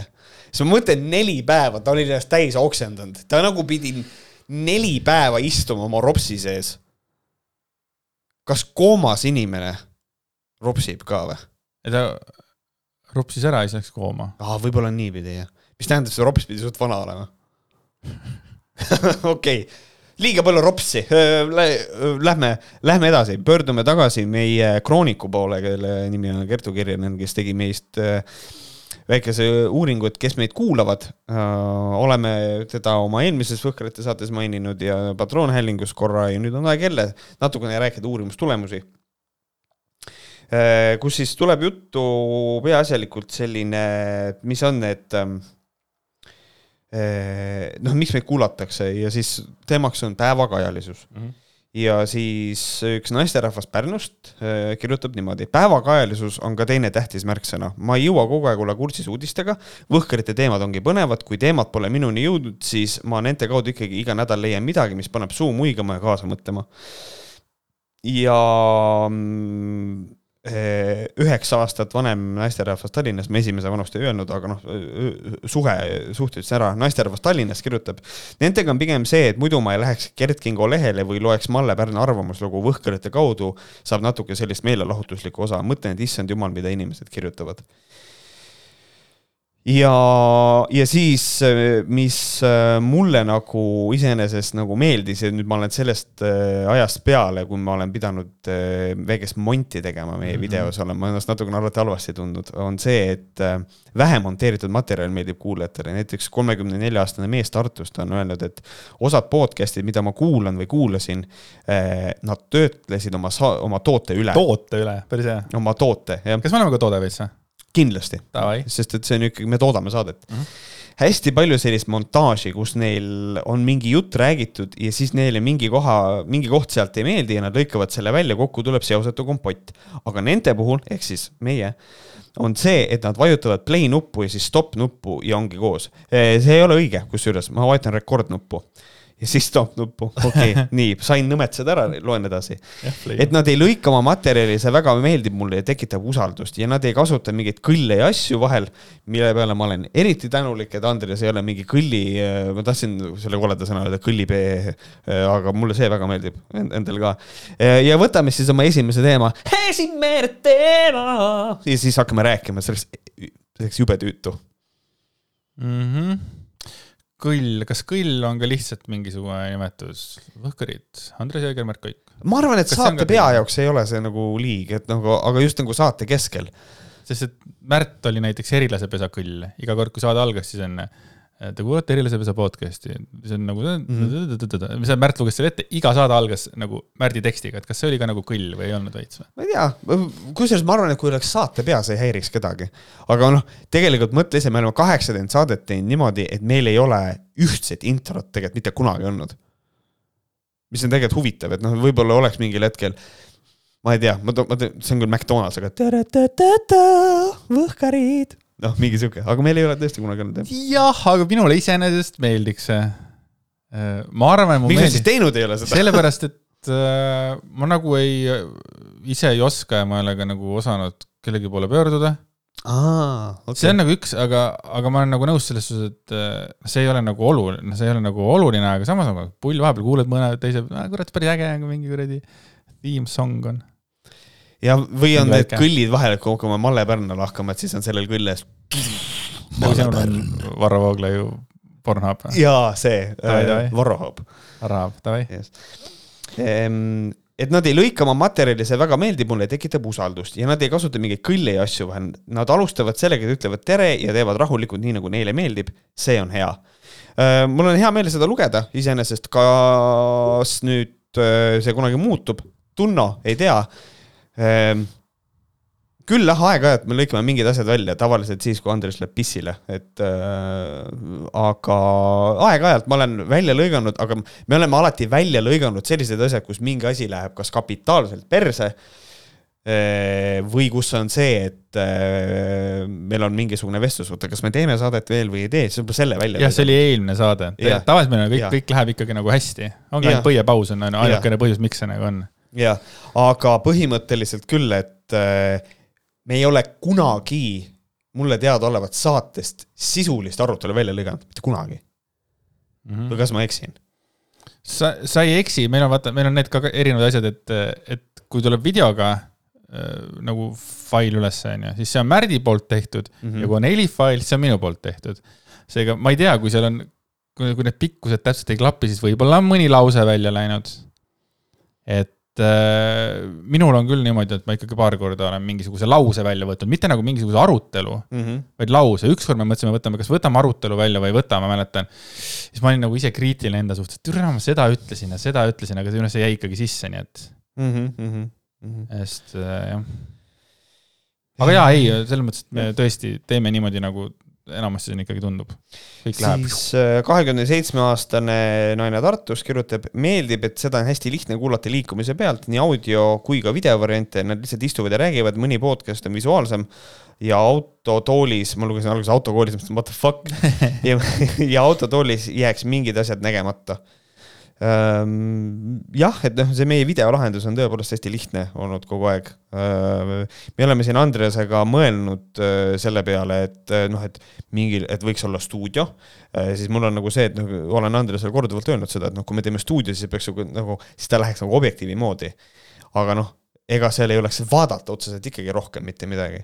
aga nüüd, kus e-, elu ja mina ise ja minu otsused viivad mind üldse nagu teise kohta elama siis videopilt kindlasti muutub, sellepärast et siis meil on nagu kodustuudios, igaüks on oma kodustuudios ja teeb saadet, et selles mõttes et siis videopilt muutub, aga noh, ma ei näe, et see muutuks oluliselt nagu sisu poolest küll, et me ei, me ei ole ja nüüd me teeme toodet vot sellisele reklaamile ja siis näitame seda, et siis on see, kus sa peaksid saadet vaatama. ma olen hästi ebastabiilne selle videopildiga, et nagu mingitel hetkedel mul tulevad hullud mõtted, kust võiks nüüd nagu muutuda millegi moodi, näed, kuskilt saad mingit ideed või kuidagi, et noh ja siis jälle, siis räägin sinuga, siis nagu, siis sa nagu jälle nagu kuidagi rahustad mind vaha või ütled, no jah, aga ta-ta-ta. siis nojah, sul on õigus tegelikult, et ega mida see mm -hmm. nagu.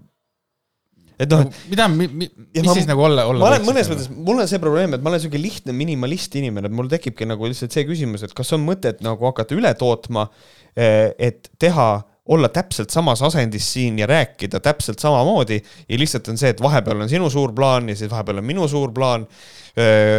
Küll proovisime selle ära korraks., me korra proovisime selle ära, küll me proovisime kelle ühe ja selle sama kaameraga, mis tekitas seda, et võib-olla natukene oli pilt nagu kole iseenesest, aga ikkagi tekib nagu see küsimus, et kas seda on vaja ja siis mõned inimesed äh, ju ka kommenteerisid seda, et neid nagu häirib see, et nad tahavad meid mõlemaid korraga näha. Et siis saab mõlemat reaktsiooni, et noh, näiteks kui mingi sina teed mingisuguse suure asja, siis minu reaktsioon jääb nagu, nagu olemata. et see on küll jah, selle peale me oleme siin mõelnud, et kas äh, Aga oma laias- toodet üle produtseerida. jaa, aga ikkagi laias plaanis oleks ikkagi vaja ikkagi nagu siis nagu noh, päris stuudiot ikkagi noh, mis nagu võiks olla siis nagu ikkagi Võhkarite stuudio või siis Mhm. mingi selline, aga ma ei näe, mina ei näe ka sellel mingisugust nagu väga suurt väärtust nagu, et Mm -hmm. point on noh, sisu on ju see, miks inimesed Võhkarit kuulavad, mitte meie ilusad lõustad. jah, ma, ma ikka eeldan, et keegi lihtsalt ei kuula ainult sellepärast, et ainult vaatab meid kaks tundi. jah, et mina hääl on maas, lihtsalt vaatab. mina mõtlengi seda, et võib-olla on inimesi, kes on lihtsalt harjunud Youtube'ist sisu tarbima siis nad teevad seda läbi Youtube'i Mhm. Ehm, see on, see on esiteks, kellest ma arvan, enamus on, kas kasutavad Youtube, Youtube Advanced'i äppi või kasutava või nad on selle Youtube Premiumi peal ja nad ikkagi kuulavad ainult. Mhm. ja ma, ma julgen oletada, et on väga palju neid inimesi, kes äh, jätavad meelde, et oh, nad rääkisid siin sellest, nad naersid kõvasti, ma tahaks näha ka seda. jaa, ja sellega meil läks Patreoni, eelmise Patreoniga läks veits nagu ja äh, videopilt läks äh, nihu, mis tähendab, et see, kus me nagu olime jälle, noh, kus sai nalja, jah, et seda kahjuks ei saanud nagu näha, see oli, see oli audis jah, ma olin nii vihane enda ja oma telefoni peale, et see oli täiesti, täiesti hullumaja oh.. nii, siis äh, lisaks Võhkaritele kuulab sama grupp inimesi veel spordi, trenni ja toitumisteemalisi podcast'e, true crime'i ja videohääling, videotaskuhäälinguid. eraldi toodi välja tussisööjad Pihtas põhjas ja intiimselt eraelust ja külapood.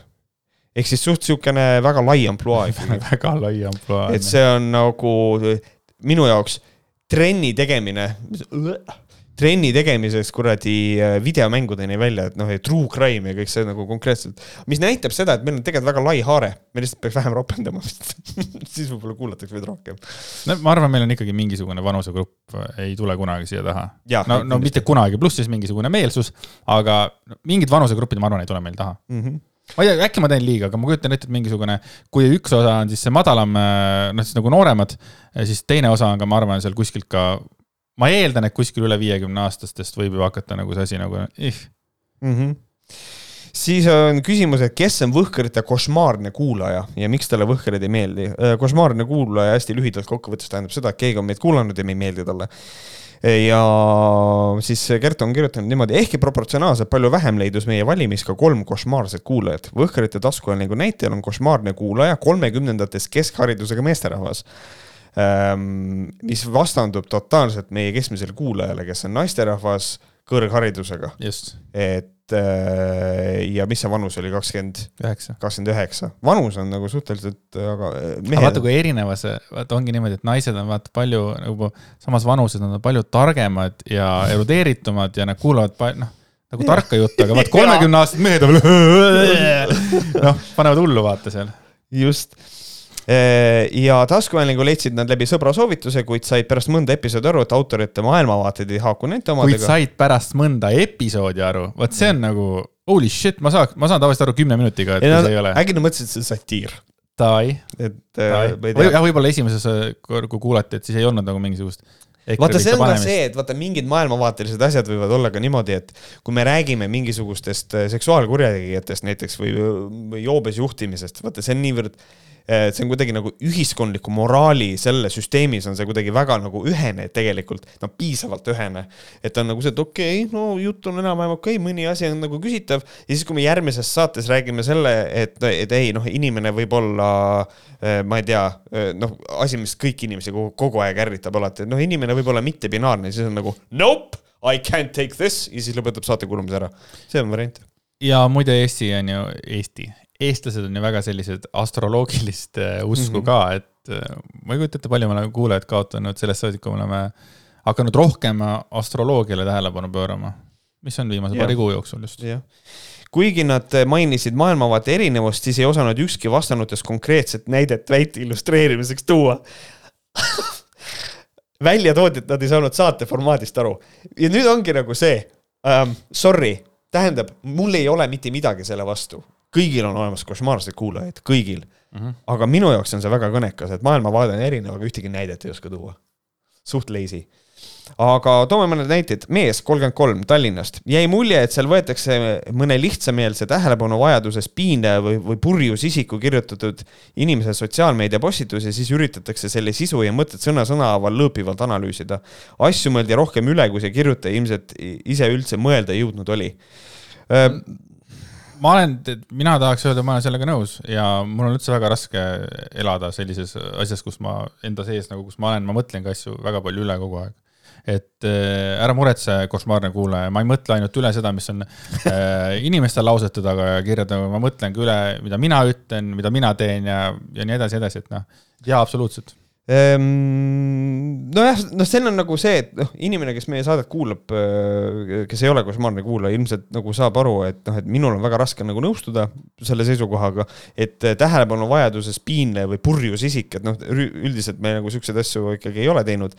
tähelepanu vajadus on ikka, ma arvan, kõikidel nendel noh, tähele, selles mõttes iga inimene, kes on avaliku elu tegelane, et tal on tähelepanu vajadus, nii et see on suht muut asi, mida üldse öelda, aga lihtsameelne, võib-olla tõesti, aga kui me räägime lihtsameelsetest, kes on äh, masside mõjutajad, siis minu arust on igasugune kriitika nagu teretulnud ähm,. ei no aga see ikkagi, ma, no ikkagi see, et mõtet sõna-sõna haaval lõõpivalt analüüsida, et noh, see on ju aus kriitika. see on aus me, võtame ju sõna-sõnalt tegelikult, noh. jah, väga, küll me, küll noh, sõna-sõnalt, nojah, ma olen, jah, sure, ma olen mm. nõus mulle ei meeldinud, et tehti nalja ilmselgelt rumalate inimeste üle, tekkis küsimus, et milleks. kõik nad on mehed, mehed mees kolmkümmend kolm, mees kolmkümmend üks. türa, me ei meeldi meestele. me, ei ole, me ei ole, jah. ja siis äh, košmaarsetele kuulajatele ei meeldinud saatejuhtide emotsionaalsus ning liiga pikalt ühele teemale keskendumine, mis oli asi, mida Just. vahepeal me tegelikult meie siis. mida me saame teha, noh, kuidas me saame seda vähendada siis ja mis on liiga pikk, kust läheb piir jälle? jah, kirjutage meile, mis on liiga mis on liiga, kas see on nagu ajaline täpselt, tahak-, kas, kas te tahaksite kümme minutit üks teema, kümme teine, kümme kolmas? ei vaata, seda on hästi raske öelda, ma olen ise võib-olla paar korda tunnetanud seda, et kurat, et me vist oleme liiga pikad praegu selle teema juures, ma olen paar korda vist olen tunnetanud nüüd, aga, aga see on äh, ikkagi tulnud peale selle asja lugemist, kus ma olen mõelnud, huvitav, kas nüüd on liiga pikk ja nüüd ongi nagu see, et nagu kas tegelikult on ka liiga pikk või nüüd olen mina lihtsalt mõtlen teistmoodi. ja minu jaoks alati kõige suuremad üllatused need, kui on mingi lühikene teema, tegelikult see noored konservatiivid olid noh, kümme rida mm. -hmm. me suutsime sellest praegu nelikümmend minutit rääkida. ja, et noh, mõned asjad on nii, et nad äh, juhtuvad. ja, ja meil on olnud ka, ma olen ise jälle noh, ma, ma kasutan sama asja, mida meie košmaarne kuulaja, ma ei oska ühtegi näidet tuua, aga meil on olnud ka see, et kus on, meil on pikk artikkel mm. -hmm. Ja no kümme minutit juttu, mitte rohkem. Et- et nagu selles mõttes, et no mõni asi, no lihtsalt ei ole midagi öelda tegelikult. ja mõnikord artikkel on lihtsalt see, mis on vaja nagu noh, kas ette lugeda või ette kanda ja ma arvan, et kõik mõistavad ühtemoodi seda äkki või? on võimalik või? kas ma saan õigesti aru, mis sa nagu mõtled sellega, et, et, et liiga lühidalt läheb? et mitte nagu, et mitte, et nagu oleks puudulik, et kurat, et no vaid, vaid, vaid ongi see, et ei ole mitte midagi et lisada. artikkel on piisav. jah, artikkel on piisav ja siis on, kas sina või mina ütleme ühe kommentaari, siis ongi nagu noh, tegelikult ei olegi seal rohkem midagi öelda. Pigem lihtsalt niimoodi. nii, siis mees kolmkümmend kolm Tallinnas kirjutab, et või vastab, et võhkrite puhul jääb esialgu arusaamatuks, mis see formaat on ja mida nad teha üritavad, tahab olla see huumor, tahab olla mõni järjekordne igapäevaelu lahkav analüüsisaade, lihtsalt ärapanemine. ma ei, olen veits nõutu, sest et noh, selles mõttes kui sa ikka ühe saate ära kuulad, siis see formaat on suhteliselt arusaadav, meil on mingid teemad, millest me räägimegi kõik, et see on nagu meil ongi väga aga, vaba formaat. aga nagu me ütlesime ühele meie kuulajale, kes meiega intervjuud tegi seal ülikooli asja suhtes, et meil ei ole konkurente, me olemegi, me ei ole äh, poliitiline iganädalane saade lihtsalt, võib-olla alguses oli mõttes see, me ei ole lihtsalt ärapanemine, me ei ole lihtsalt, meil ei ole plaanis hakata nalja tegema, kui ta läheb nagu fun'iks, see on, see on nagu alati, see on nagu kirss tordil, on ju. aga meie eesmärk ei ole olla nagu kogu aeg naljakas mm. -hmm. -hmm. ja kogu aeg tõsine ja kogu aeg mingi see, et selles mõttes noh, teist sellist saadet nagu Võhkarid ei olegi olemas, kui te leiate kuskil, ma ei tea, andke teada, aga sellist asja ei ole olemas ja kuskil tuleb, siis äh, maha kopitud meie pealt.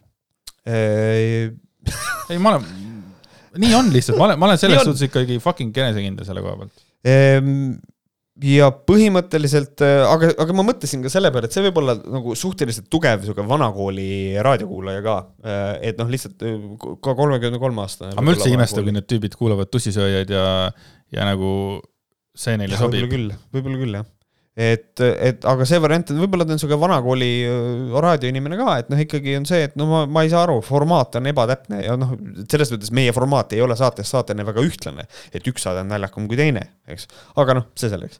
muide, üks asi ma olen mõelnud, et kas, huvitav, kas see oleks nagu inimestele kasulik või ei oleks, kui teeks saate ära ja siis teeks lõpus teeks selle nii-öelda sissejuhatus sellega ära, et täna selles saates räägime seda, seda, seda. siis tõstaks selle ette, kas sellest oleks mingit kasu? aga see ei annaks, kas annaks saatele juurde? Fännidele mitte. fännidele mitte. Need, kes kuulavad Anyways'i ära.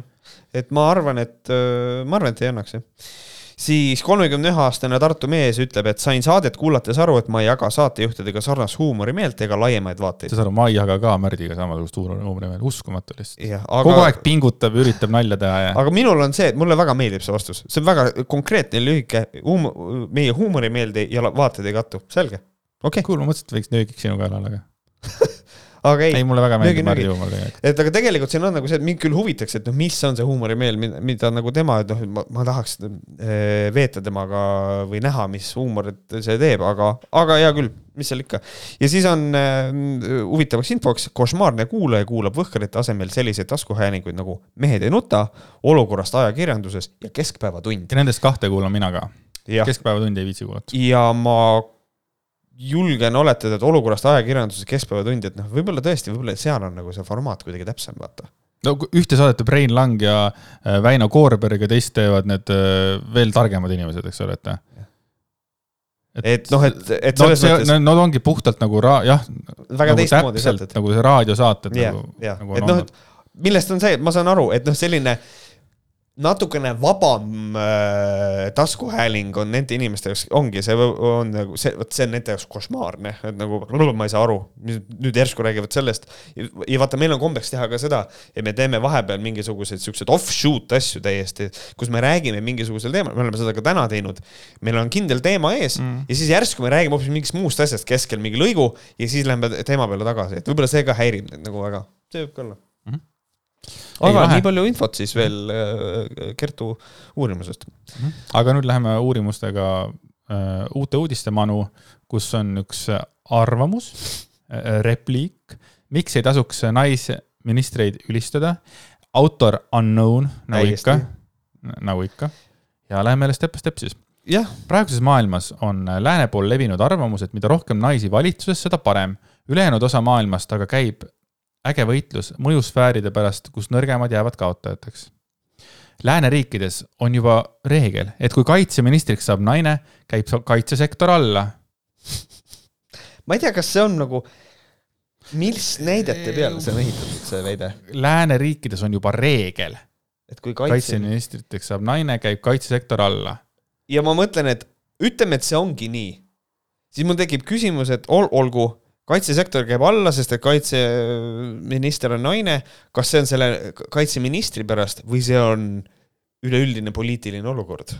geopoliitiline olukord. siin ta ütleb, et naised lihtsalt on empaatilisemad ja alalhoidlikumad.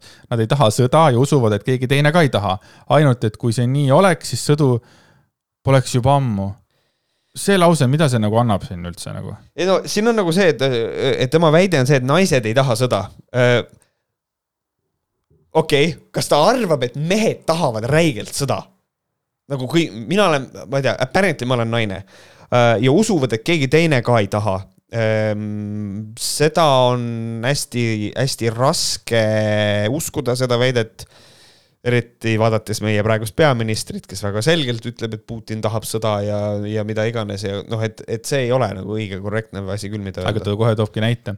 hea näide on praegune Euroopa Komisjoni president Ursula von der Leyen, keda peetakse Saksa Bundes, hakkab pihta, Bundeswehri lammutajaks selle riigi relvajõud lasti viimastel aastakümnetel põhja minna. ka praeguses ametis ei näi see naine parem olevat, igatahes norib EK ka Ukraina sõjapäevil rindejoonel asuva ja paljusid põgenikke võõrustava Poolaga edasi, jättes ta ilma taasterahastu seaduslikult osast jah, et, et mingisugune, et mingisugune poliitiline asi, et kui Poola näiteks ei täida mingit normi ja siis eh, see on siis nagu nokkimine ja kõike seda, et see on, see on nagu, need asjad ei ole omavahel nagu seotud ka eriti ikkagi minu teada. Võib-olla ma eksin, võib-olla ma ajan mingi muu asjaga sassi praegu, aga, aga noh, see variant on ka, et noh, aga see ongi noh, jälle, et eh, kui sellise otsuse oleks teinud meesterahvas siis oleks sellele mingi teistsugune seletus välja mõeldud. siis ei räägitaks sellest. siis ei räägitaks sellest. sest praegu ta tõi ka välja mingi Ursu, naine... ta tõi ainult Ursula tõi nagu välja mm. -hmm. kuna on naine, siis järelikult on naine süüdi mm. -hmm. Ja... ehk siis ah,, jah äh,, aa ei, ei ole midagi, mine edasi. Eestis juhtus täpselt sama, niipea kui Kaja Kallas võimule sai, alustas ta kärbetega ja esimene sektor, mis, mille pihta anti, olid kaitsekulutused edaspidi on asjad pisut paranenud, kuid mitte tänu Kaja Kallasele, vaid tema kiuste. pigem on kaitsekulutuste uuesti tähelepanu pööramise põhjuseks selge sõjaoht. nii, esiteks, kui sõjaohtu ei ole, siis kaitsekulutuste langetamine, sorry, on minu arust loogiline mm. -hmm. kui kõik tundub, et kuulge, meil on olnud väga kaua jumala okei okay,, Ehm, et kas on otseselt vaja neid kaitsekulutusi tõsta või mitte, ei ole, langetada, natukene langetame, ühesõnaga. sa saad täpselt aru, mis tähendab kaitsekulutus või? on sul nagu see pilt selge või?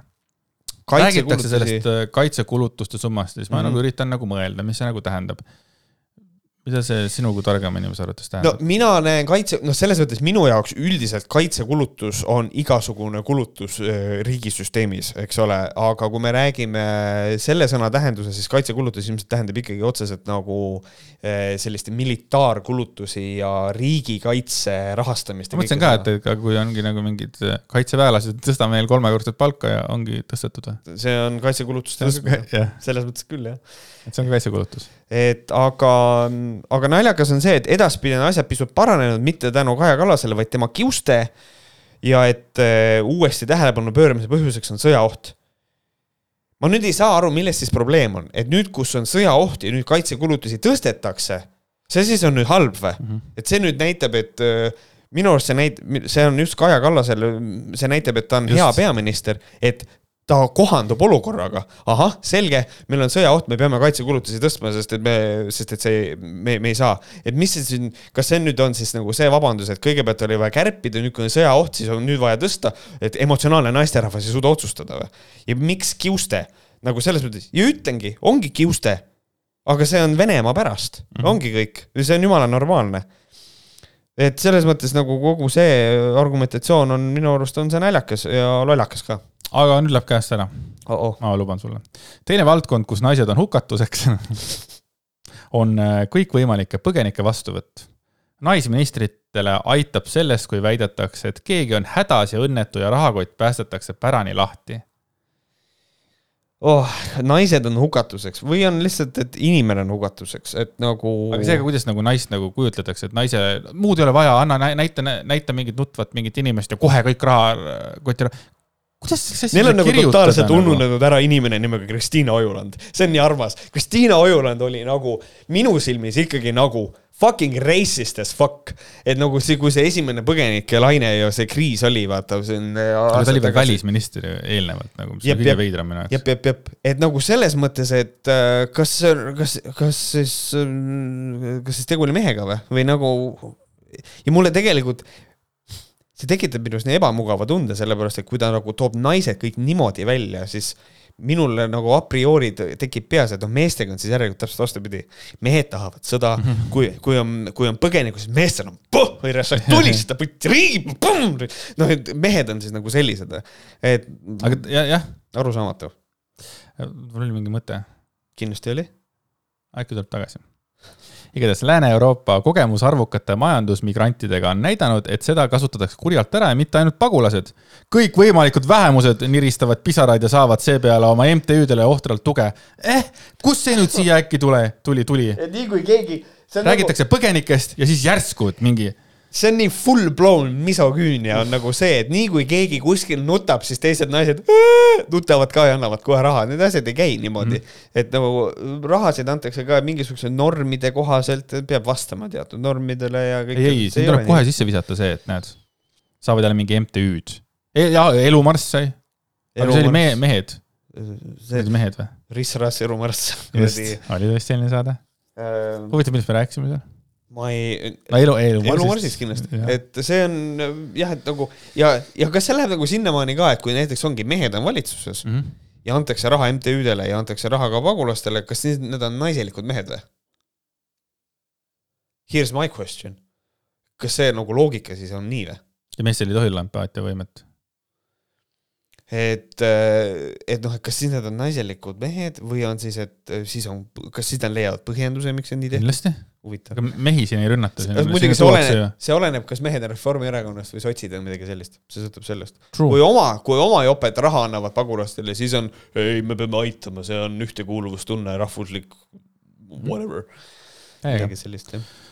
üldjuhul on tulemuseks see, et sissetulijad külvatakse hüvedega üle sest nad on õnnetud. Oma rahvas aga jääb ilma, sest nemad on kogu aeg riigilt abi küsinud. Reformierakond on loonud kõrgete hindade ja maksudega abi küsimise ühiskonna ja valitsejad on nende osas tundeku, tundetuks muutunud. taas on hea näide lisaeelarve, kus kolmandik läheb Ukraina põgenikele lastetoetuseks, aga Kaja Kallas raha ei leia. tema vanemad ja tema ise ju ei vaja ilmselt, ju siis ei vaja mitte keegi teine ka see on, e-, esiteks Eesti Vabariigi kodanik ei ole põgeniku staatusega see on esimene asi, if you don't like it, leave mm.. et äh, ole ise siis põgenik. see on isegi Veiko Veiru stail, aga Veiko Veiru äh, ütles, et kui sulle nii väga see Ukraina meeldib, mine Ukrainasse ja, ja mina ütlen seda, kui sul, kui sul on raske, kui sulle ei meeldi, siis aga mine ise ära, et nagu see ongi, et äh, ma ei saa sellest aru, et kodanikul on nagu teistsugused nagu õigused ja kohustused, kui tegelikult on äh, põgeniku staatusega inimestel, et selles mm. mõttes, et ja, ja holy shit, nagu kõik need asjad töötavad ju sellel põhimõttel, et kui meie kunagi näiteks pea, oleme põgenikud, meie eestlastena, et siis meie saame ka hüvesid see ongi niimoodi üles ehitatud, see süsteem, aga noh äh,, ma arvan, et uute uudiste äh, selles kuradi toimetuses ei teata empaatiast ja solidaarsusest mitte sittagi mm. -hmm. ja siis on see ka, Reformierakond on loonud kõrgete hindade ja maksudega abi küsimise ühiskond abi küsimise ühiskond. ta mõtleb arvates seda elektriteemat, kui alguses oli, et inimesed pidid minema ja küsima enda äh, jah, et kui enda, mul on raske. ringkonnast seda elektri asja, mis oli veits tobe. et aga, aga nagu selles mõttes, et äh, noh, tobe on see, kuidas see oli lahendatud. aga nagu tobe. aga see ongi nagu see üks situatsioon. jah, aga tobe ei ole see, et abi küsitakse ja mulle tundub, et see on see, mille peale EKRE raiub, on see, et abi küsimine on nii õudselt piinlik ja rõve asi ja seda ei tohiks teha. vastupidi, kui on, kui sul on abi vaja, siis sa küsid abi. et see on jumala normaalne. aga, aga ma leian seda ka, et noh, siin EKRE toimetuses ma kardan, või noh, mul on selline tagasihoidlik hüpotees lihtsalt, et seal on lihtsalt nii palju Äh, meesterahvaid, kes on nagu nii vähe mehed, et nad ei julge abi küsida, see nende jaoks äh, lükkab nende maskuliinsuse põhja, mis näitab, et kummaline maskuliinsus. arvad või? Mhm. sõbra käest ikka küsivad? sõbra, sõbra käest küsivad abi kindlasti, aga siis, kui on rahaline abi, siis on perses. aga kas Pohlak abiellus siis selle Renataga või mitte või? Väga huvitav äh, teemavahetus, ma ei tea sest et ta tegi suure ilusa žesti äh, ja palus Renata endale abikaasaks, oli Renata või? Renate. Renat. pigem Renate teeme. ma ei tea. et. ma ei tea seda. muidu võid guugeldada, aga ei viitsi. Äh, naised on empaatilised, sulgudes, mitte Kaja Kallase võtmes ja paiskavad raha sinna, kus keegi nutuhäält teeb, sulgudes rohepööre. mehed on pisut pragmaatilisemad ja näevad pilti laiemalt, pannes raha ka sinna, kus see paljudel asjatu näib, sulgudes riigikaitse. tere, see on, okei okay,, loe järgmine lõik ka, see on nii absurdne kõik. Kaja Kallase valitsuses on naised ka verejanulisemad mitte kunagi pole sõnavabadust äh, hävitavat vaenukõneseadust nii kompromissitult ellu üritatud viia, kui seda teeb justiitsminister Maris Lauri. kolmas nimi tuli nüüd. nii. mulle meeldivad sellised artiklid, kus kohas inimene teeb tugevad väljaütlemised, tugevad statement'id ja siis otsustab nendele ise vastu vaielda. see on äge. et nad on empaatilised mitte Kaja Kallase võtmes. Kaja Kallas on naine, aga tuleb välja, ta ei ole empaatiline, kuigi naised on empaatilised. täpselt samamoodi siis Maris Lauri puhul on, on ju, tekib sama küsimus äh,. mehed äh, on pragmaatilisemad, need näevad pilti laiemalt, pannes raha ka sinna, kus see paljudele asjatu näib paljudele asjatu, muidu, see on, see on ka huvitav asi, mida öelda näiteks riigikaitse, ehk siis Kaja Kallas praegu on pannud raha ka riigikaitsesse, et kas siis ta on kas ta siis on mees või? ja siis Kaja Kallitsus Kaja Kalli, Kalli, Kallitsus. Kaja Kallitsus. Kaja Kallitsus Kaja, on Kaja Kallase valitsused on naised ka verejanulisemad. ma saan aru, et naised ei ole verejanulised, nad ei taha sõda, nad arvavad, et keegi teine ei taha sõda äh,. hästi empaatilised on. ta kirjutab eelmises lõigus äh,, et naised on empaatilised ja paiskavad raha sinna, kui keegi nutu häält teeb. järgmine lõik algab lausega mm -hmm. Kaja Kallase valitsus on naised verejanulised mm. -hmm pick a fucking side, nagu mida sa tahad siis öelda lõppude lõpuks.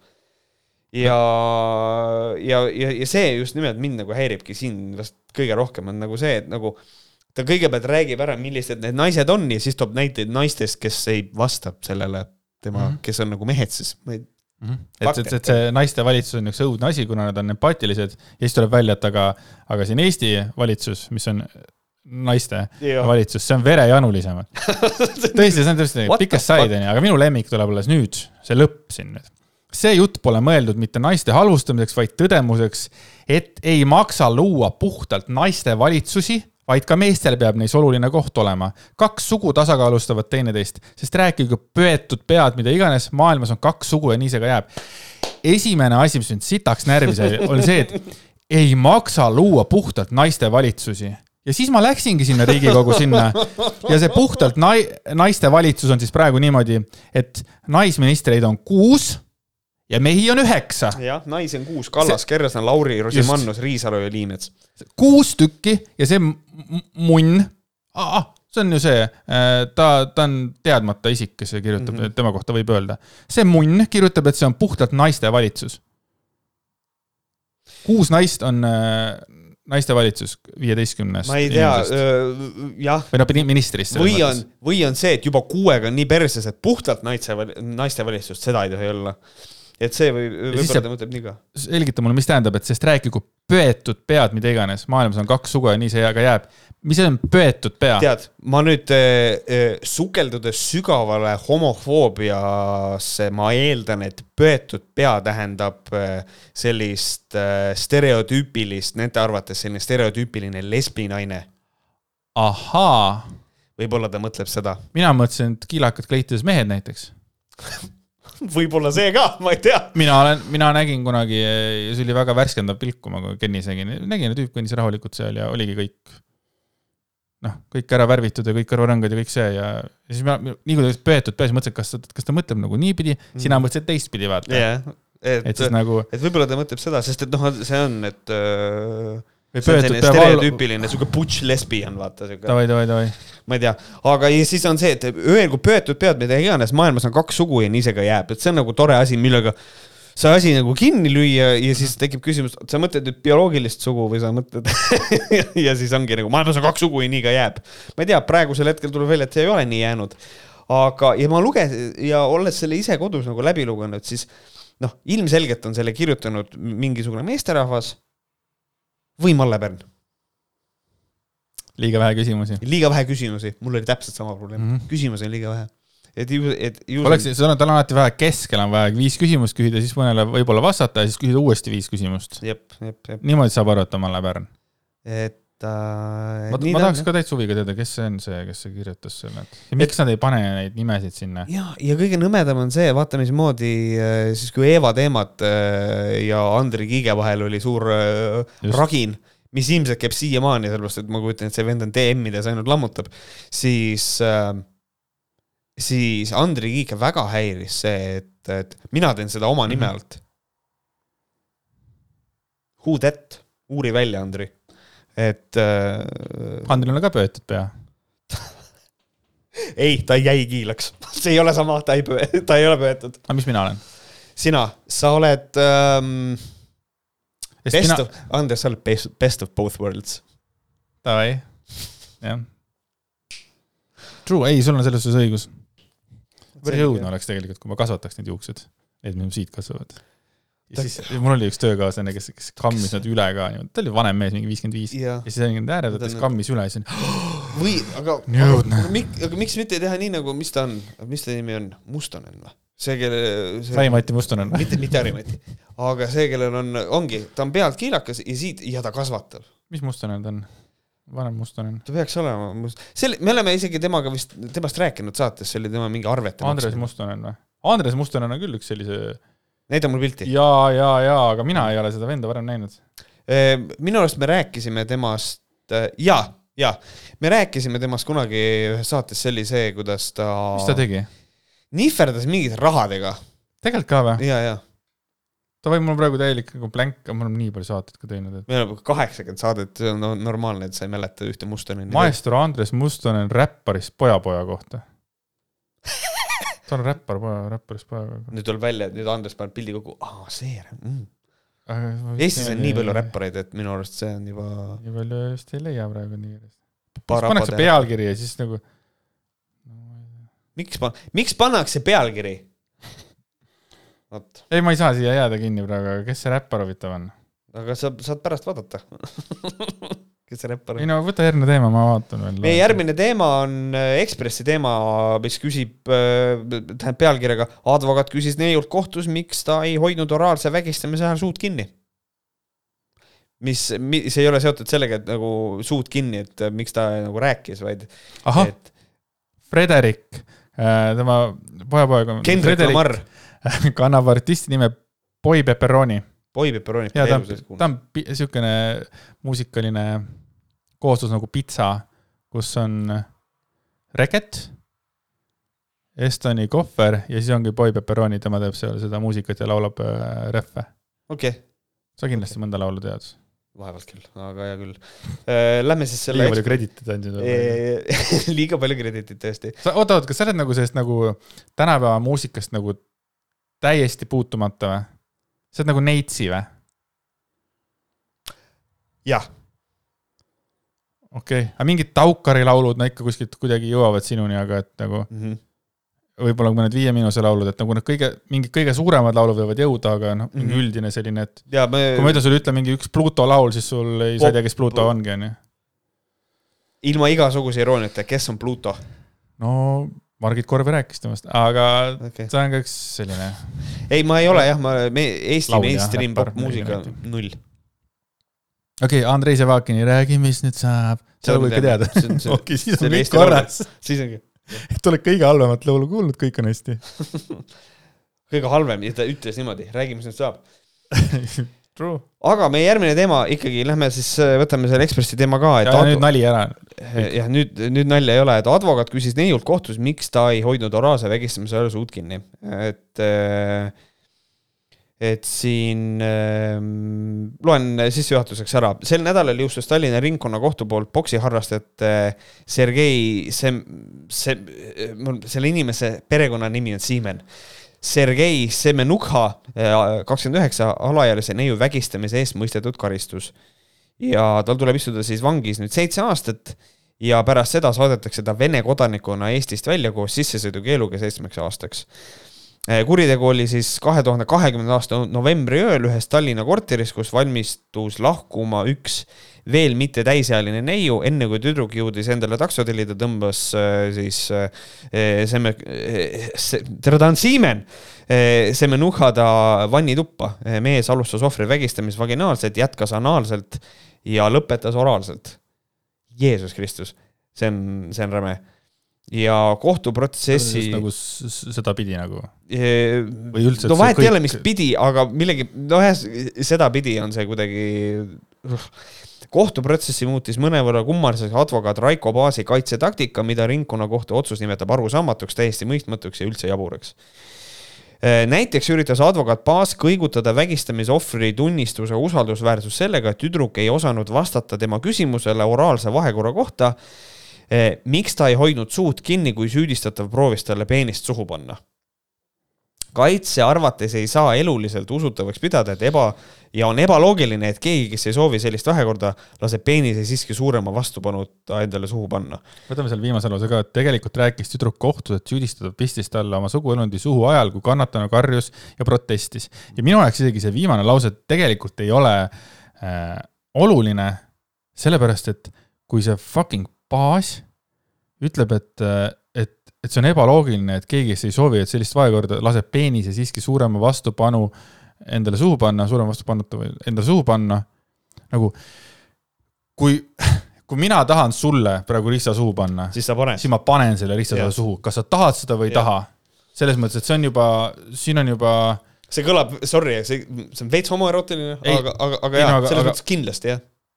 et suu saab inimesel lahti väänata ka. just või saab teha kuskilt haiget ja ta teeb selle suu lahti, no mida iganes, et nagu, et see, et selline kaitsetaktika. see on eriti tore, et siin on ilusti kirjutatud ka, et arusaamatu, täiesti mõistmatu, üldse jabur nagu äh, rinna, ringkonna kohtu ja. on seda nagu nimetanud, see on, see on ebareaalne sitt. jah, ja, ja, ja, ja kusjuures tegelikult siin on nagu see nüanss ka sees, et äh, tegu on advokaadiga ja siin on juures nagu see nüanss, et arusaamatu on see kaitsetaktika.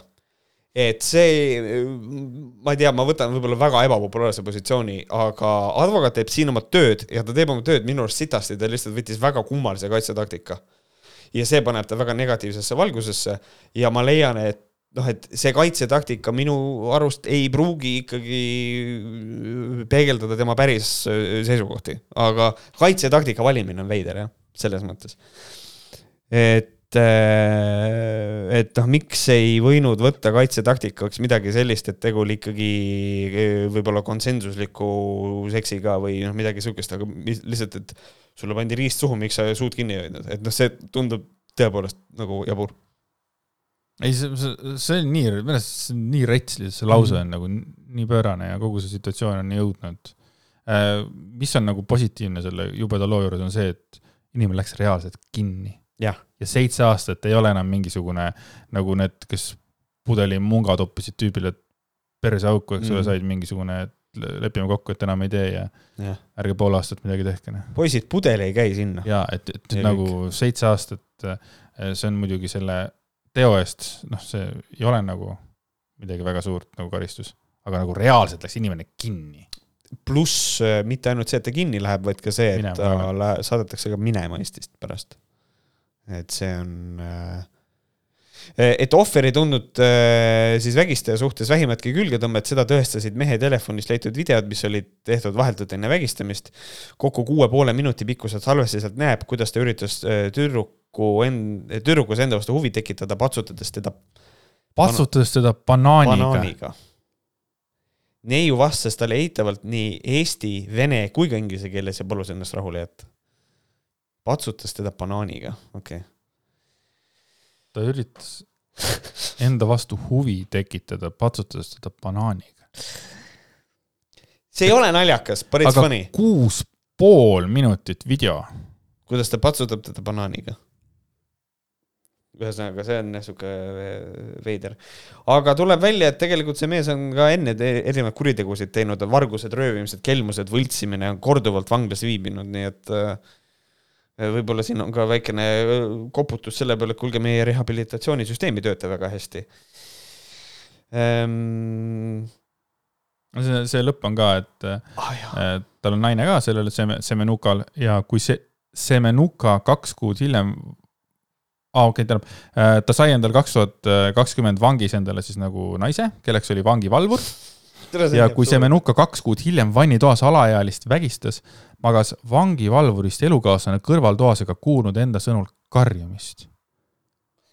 no siin võib olla see, siin on see aspekt juures, et, et võib-olla tegu on ikkagi üsna siukse domineeriva mehega, et võib-olla see on, talle öeldi, et sa ei kuulnud mitte midagi. et see naine, see vangivalvurist naine võib ka olla ohver täpselt sama palju et siin mhm. on, eh, see on üks osa, milles mina leian, et inimesed väga palju selle peale ei, selle peale ei mõtle mm. -hmm. ei äh,, jube, jube, väga õudne. rets jah, suht rets ohohoo, aga lähme siis äh, sihukeste teemadega natukene edasi, ehk siis nagu legal värk äh,. legal värk. kiri. esitan teile väikse õigusliku rakursi seoses kaheksateist null viis kaks tuhat kakskümmend kaks Võhkarite osaga. keskendun Kivisaart puudutavatele kaasustele.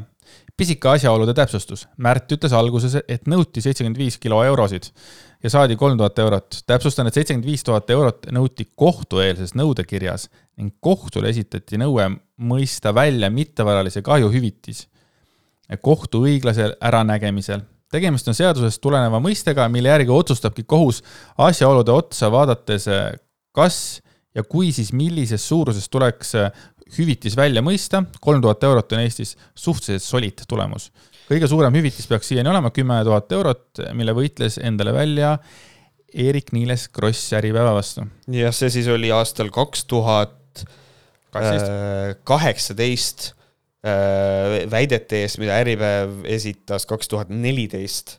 Äh, ja siis tõepoolest, äh, tõepoolest selline summa siis, siis läks, et põhimõtteliselt, et kohtus tõestati, et Äripäev esitas Krossi kohta valeväiteid see kolm tuhat eurot on Eestis suhteliselt solid tulemus, on tegelikult minu jaoks veits üllatus, kolm tonni ei tundu nagu üldse nagu solid summa tegelikult. jah, sellise asja arvesse võttes jah, mind äh, kui Kristi Tiido tahab tonn viissada saada, et lihtsalt tema screenshot'i Instagramist leppetrahvi. just, jagatakse siis see kolm tonni nagu noh. ja see on äh, jah, suht solid, e-, võiks eesti keeles kirjutada soliidne, aga aga ma võib-olla täpsustaks seda ka, et äh, noh, see ei ole küll otseselt minu pihta, aga selles mõttes, et äh, mina pidasingi silmas nagu seda, et esialgu nõuti seitse tuhat viissada ja saadi kolm tuhat, et nagu selles mõttes, et äh, ma, ma, ma teadsin seda, et tegu on nõudekirja ja kõige selle. solid on tahke.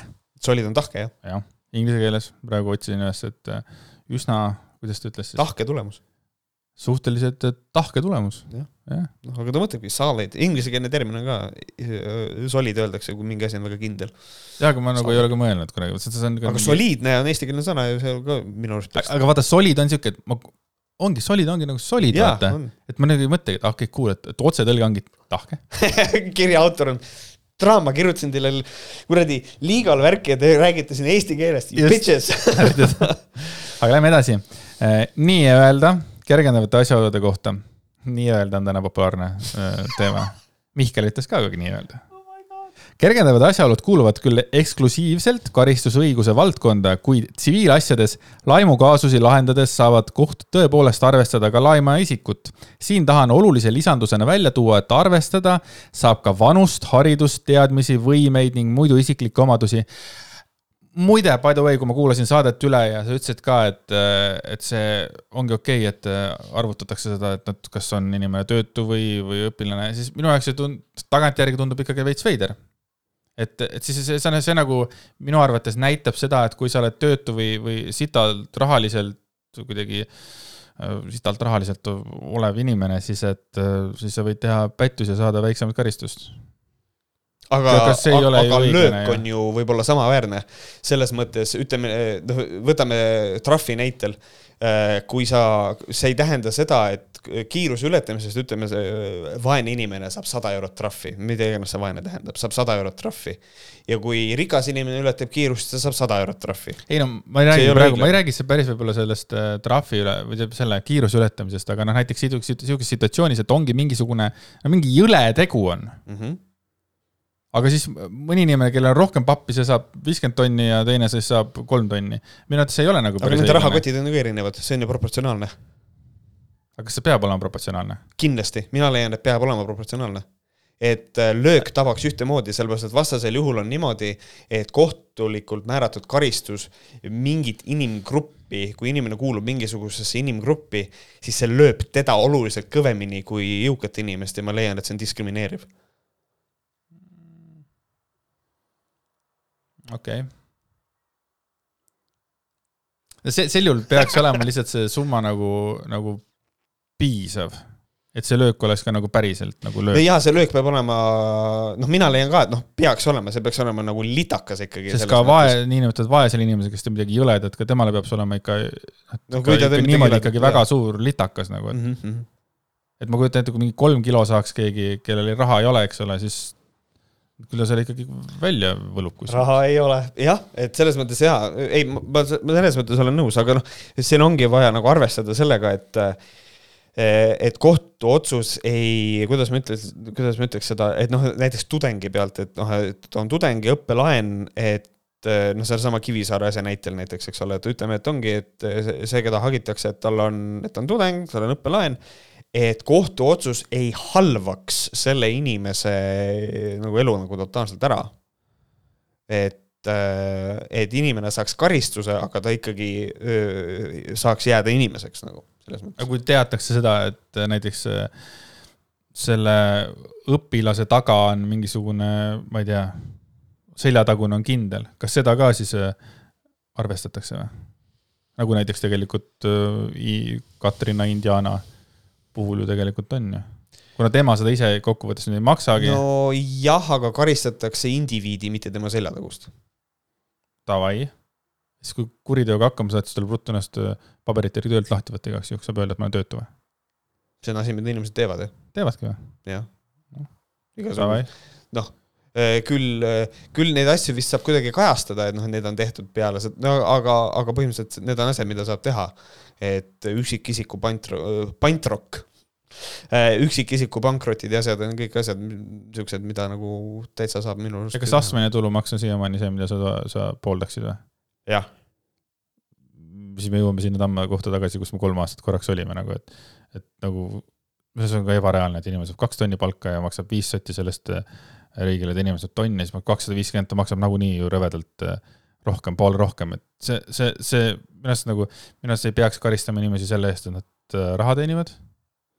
ja selles mõttes oleks astmelisus täielik äh, pask äh, ja hakatakse veel rohkem susserdama. sellega ma olen nõus.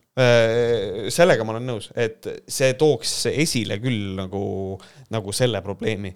aga mina leian seda, et astmelise tulumaksu puhul on niimoodi, et astmeline tulumaks peab olema ikkagi nagu niimoodi tehtud, et äh, et kuidas ma ütlen, et kui ma kuulun nagu jõukamasse klassi, siis ma maksan rohkem eh, tulumaksu, aga minu teenimine on ikkagi, on ikkagi suurem, et see ei ole näiteks niimoodi, et ma maksan ennast vaesemaks nagu, siin niimoodi ei tohiks olla. aga nagunii maksavad need inimesed ennast vaesemaks ju, kes saavad rohkem raha ju.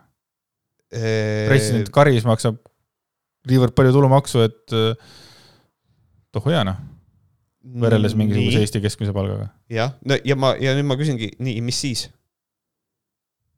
mina näen seda, et jõukas inimene jõuab rohkem maksta. vaata see, siis see, kus see jõukas läheb? Äh, meil on selle jaoks olemas täiesti piirid. mis, on, mis ongi eriti loll tulu,? tulukventiilid on arvestatud keskmiste järgi seotud, äh, mis on meie, meie palga, keskmise palga, mis on palga mediaan, mis on keskmine palk, need kõik, see on nende alusel kõik on välja arvestatud ma ei tea muidugi, kas see hakkaks minema tulukventiilide, ilmselt läheks detsiilide peale hakatakse seda ilmselt arvestama, sellepärast et no, mina olen ikkagi selle juurde, minu jaoks on ebareaalne, kui inimene on suutnud endale hea töökava välja, mida iganes teha ja ta saabki, ütleme, viis kilo ja siis ta peab sellest ära maksma, kui palju see on siis täpselt tonni või? Ehm, või, või rohkem isegi, et nagu. no selles mõttes sul, sul endal ettevõtet ei ole, eks ole aga see on, see oleks sinu jaoks päris silmi avav kogemus uh,. et selles mõttes mina leian nagu seda, noh. ma mõtlen palgalist äh, inimest just, kes nagu saab palka. jah, just, kui sul on ettevõte, siis sa maksad, kui sul on ettevõte, siis sa maksad endale palka ka. jah, aga sellega on ka ilge mingisugune jeblamine selle ettevõtte asjaga. no, no jaa, aga sa maksad endale palka, siis sa saad aru sellest, et okei okay,, kui ma tahan, mul läheb, äh, mul läheb, noh, see on see, kui öeldakse, kurat, mul läheb pool rahast maksudeks It is true, lähebki. ettevõte maksab peaaegu poole rohkem eh, raha välja ja sellel, ja see, mis sa kätte saad, see on umbes üle poole sellest natuke. et nagu see on. kas me räägime siis praegu sinuga kahest erinevast äh, nagu elusituatsioonist või? Äh, ei, ma, ei, see on lihtsalt näide sellest, et mismoodi tegelikult, äh, kui palju nagu, kui sul on ettevõte, sa tahad endale palka maksta, ettevõte on sinu oma, et kui palju sul on nagu raha justkui käes, kuigi see on ettevõtte kontol. ja siis, kui palju, kui sa maksad seda endale palgaks, et kui palju sa tegelikult makse maksad. et mina leian nagu seda, et noh, minu mina ei ole kunagi maksudesse niikuinii suhtunud kui karistusse. mina leian, et see, et see ei ole, mina leian, et ma maksan makse selle, mina tahan makse maksta. mina tahan makse maksta sellepärast, et ma näen, et meil on sotsiaalsüsteem, kuhu see raha võiks minna ja, ja nii edasi. ja mina leian seda, et jõukamatel inimestel on võima-, on nagu võimalus ja nad saavad nagu panustada läbi maksude eh, rohkem sinna. panustavadki. Need panustavad ja ma leian, jah, nii. ma leian, et võiks, nad saavad, nad saavad rohkem panustada et mina, vaata, siin on see, sina näed kõrgemat maksustamist kui karistamist, mina ei näe seda niimoodi. et äh, siin, aga, aga siin on nagu juba tuleb järgmine asi, et aga kust maalt on maksu maksmine karistamine sinu jaoks? Jah, see ongi see, et kui, kui tuleks selline süsteem, on ju, astmeline tulumaks, mis mm -hmm. iganes, et siis olekski, ma tahaks nagu neid astmeid näha, et, et see, millest me räägime praegu, on lihtsalt niisugune suvalised numbrid viskame õhku, on ju. aga kuidas need astmed oleks, see mind huvitaks kõige rohkem. no ilmselt, nojah, see tuleks inimese sissetulekute baasil ilmselt äh, mingi selle nagu.... kui sa ütled, et nad, ma ei tea, jõukamad inimesed, siis kus sinu jaoks hakkab jõukus? Jõukad inimesed üldiselt kuuluvad meil viiendasse tulukvintiili. ei, aga unusta see kvintiil ära, ütle mulle, ütle mulle üks, ütle mulle, ütle mulle üks number. Eh, tuhat, eh, issand, mis ta nüüd on meil, see viiendasse tulukvintiili on sees, vist on tuhat viissada. aga saad ise ka aru, et tuhat viissada ole jõuga, jõukas inimene see on, äh, mis sa arvad, mitu protsenti äh, on, elavad selles Eestis? ma lihtsalt ütlen, et tuhat viissada ei ole jõukas, ma ei ütle, et see on mingi väike summa. no aga see, see ei ole ju sellepärast, et sinul sõnal jõukas, sul on teine tähendus sellele sõnale järelikult. Äh, noh, sellist sõna kui jõukas niikuinii ei kasutata, sellepärast et viiendas tulukvintiilis elavad inimesed, see tähendab viis, see tähendab, et see on kakskümmend protsenti eestlastest. üle tuhande vii-, selline tuhande neljasaja pluss, sinna kuulub ainult kakskümmend protsenti eestlased. see on mis aasta statistika? see peaks olema, mina oskan öelda täpsemalt, kus see number oli vist tuhat kolmsada ja see oli vist kaks tuhat üheksateist aasta näitel, kui ma ei eksi. või kaks tuhat. tead, kui raske on seda uskuda, kui sa ütled mulle et, et kakskümmend protsenti Eestis elavatest ja töötavatest nagu inimesest saavad kätte, siis no, see on nagu kätte saada tonni. kui sa saad poolteist tonni palka, kui sa saad poolteist tonni kätte, sinu sissetulekud eh, või mitte sissetulekud, sinu ekvivalentne sissetulek on poolteist tonni, siis sa teenid rohkem kui kaheksakümmend protsenti eestlasi. sellepärast ongi see, et vaesed inimesed on nähtamatud Eestis. on jah ja, ja see ongi, keegi ei mõtle selle pärast, me kõik elame oma mätta otsas, meil on tegelikult väga kõrged sissetulekud, aga me ei, me ei näe lihtsalt endast vaesemaid inimesi. ma olen praegu veits nagu šokt, et nagu jõukamaks võib nimetada tonn viiesaja inimest. jaa, sellepärast et nad on. sest tegelikult on Eesti keskmine on nagu sinnakanti praegu ju. Eesti keskmine palk on, ma ei teagi, kui palju praegu ja ma ei tea, see peaks olema üks asi on palk, teine asi on see, vaata, ma ei tea, kuidas hakatakse arvutama seda astmelist tulumaksu, aga kui ma räägin tulukvintiilidest, siis ma pean silmas seda, et kõikide inimeste sissetulek, mis on ekvivalent netosissetulek, mis tähendab seda, et noh, seda peab arvutama, seepärast et see ei ole lihtsalt niimoodi, kui palju ma kokku, kui palju mina teenin, vaid see on leibkonna kohta, mis tähendab seda, et eh, kuna siin näiteks sina noh, võime mõlemad selles mõttes. Äh, sina, sinu abikaasa ja sinu laps. Äh, see tähendab seda, et arvutad kokku kõikide pereliikmete sissetuleku ja jagad selle äh, üks, ühe koma kaheksaga. ja siis see on sinu ekvivalent netosissetulek. ja siis see näitab ära, kus, millises tulukvintiilis sa oled.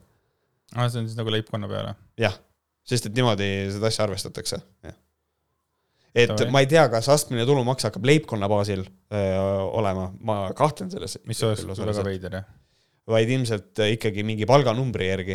aga vaat siis meil tekibki see probleem, nagu sa ütlesid, siis meil tekib see probleem, et hakatakse nihverdama mm -hmm. ilmselt.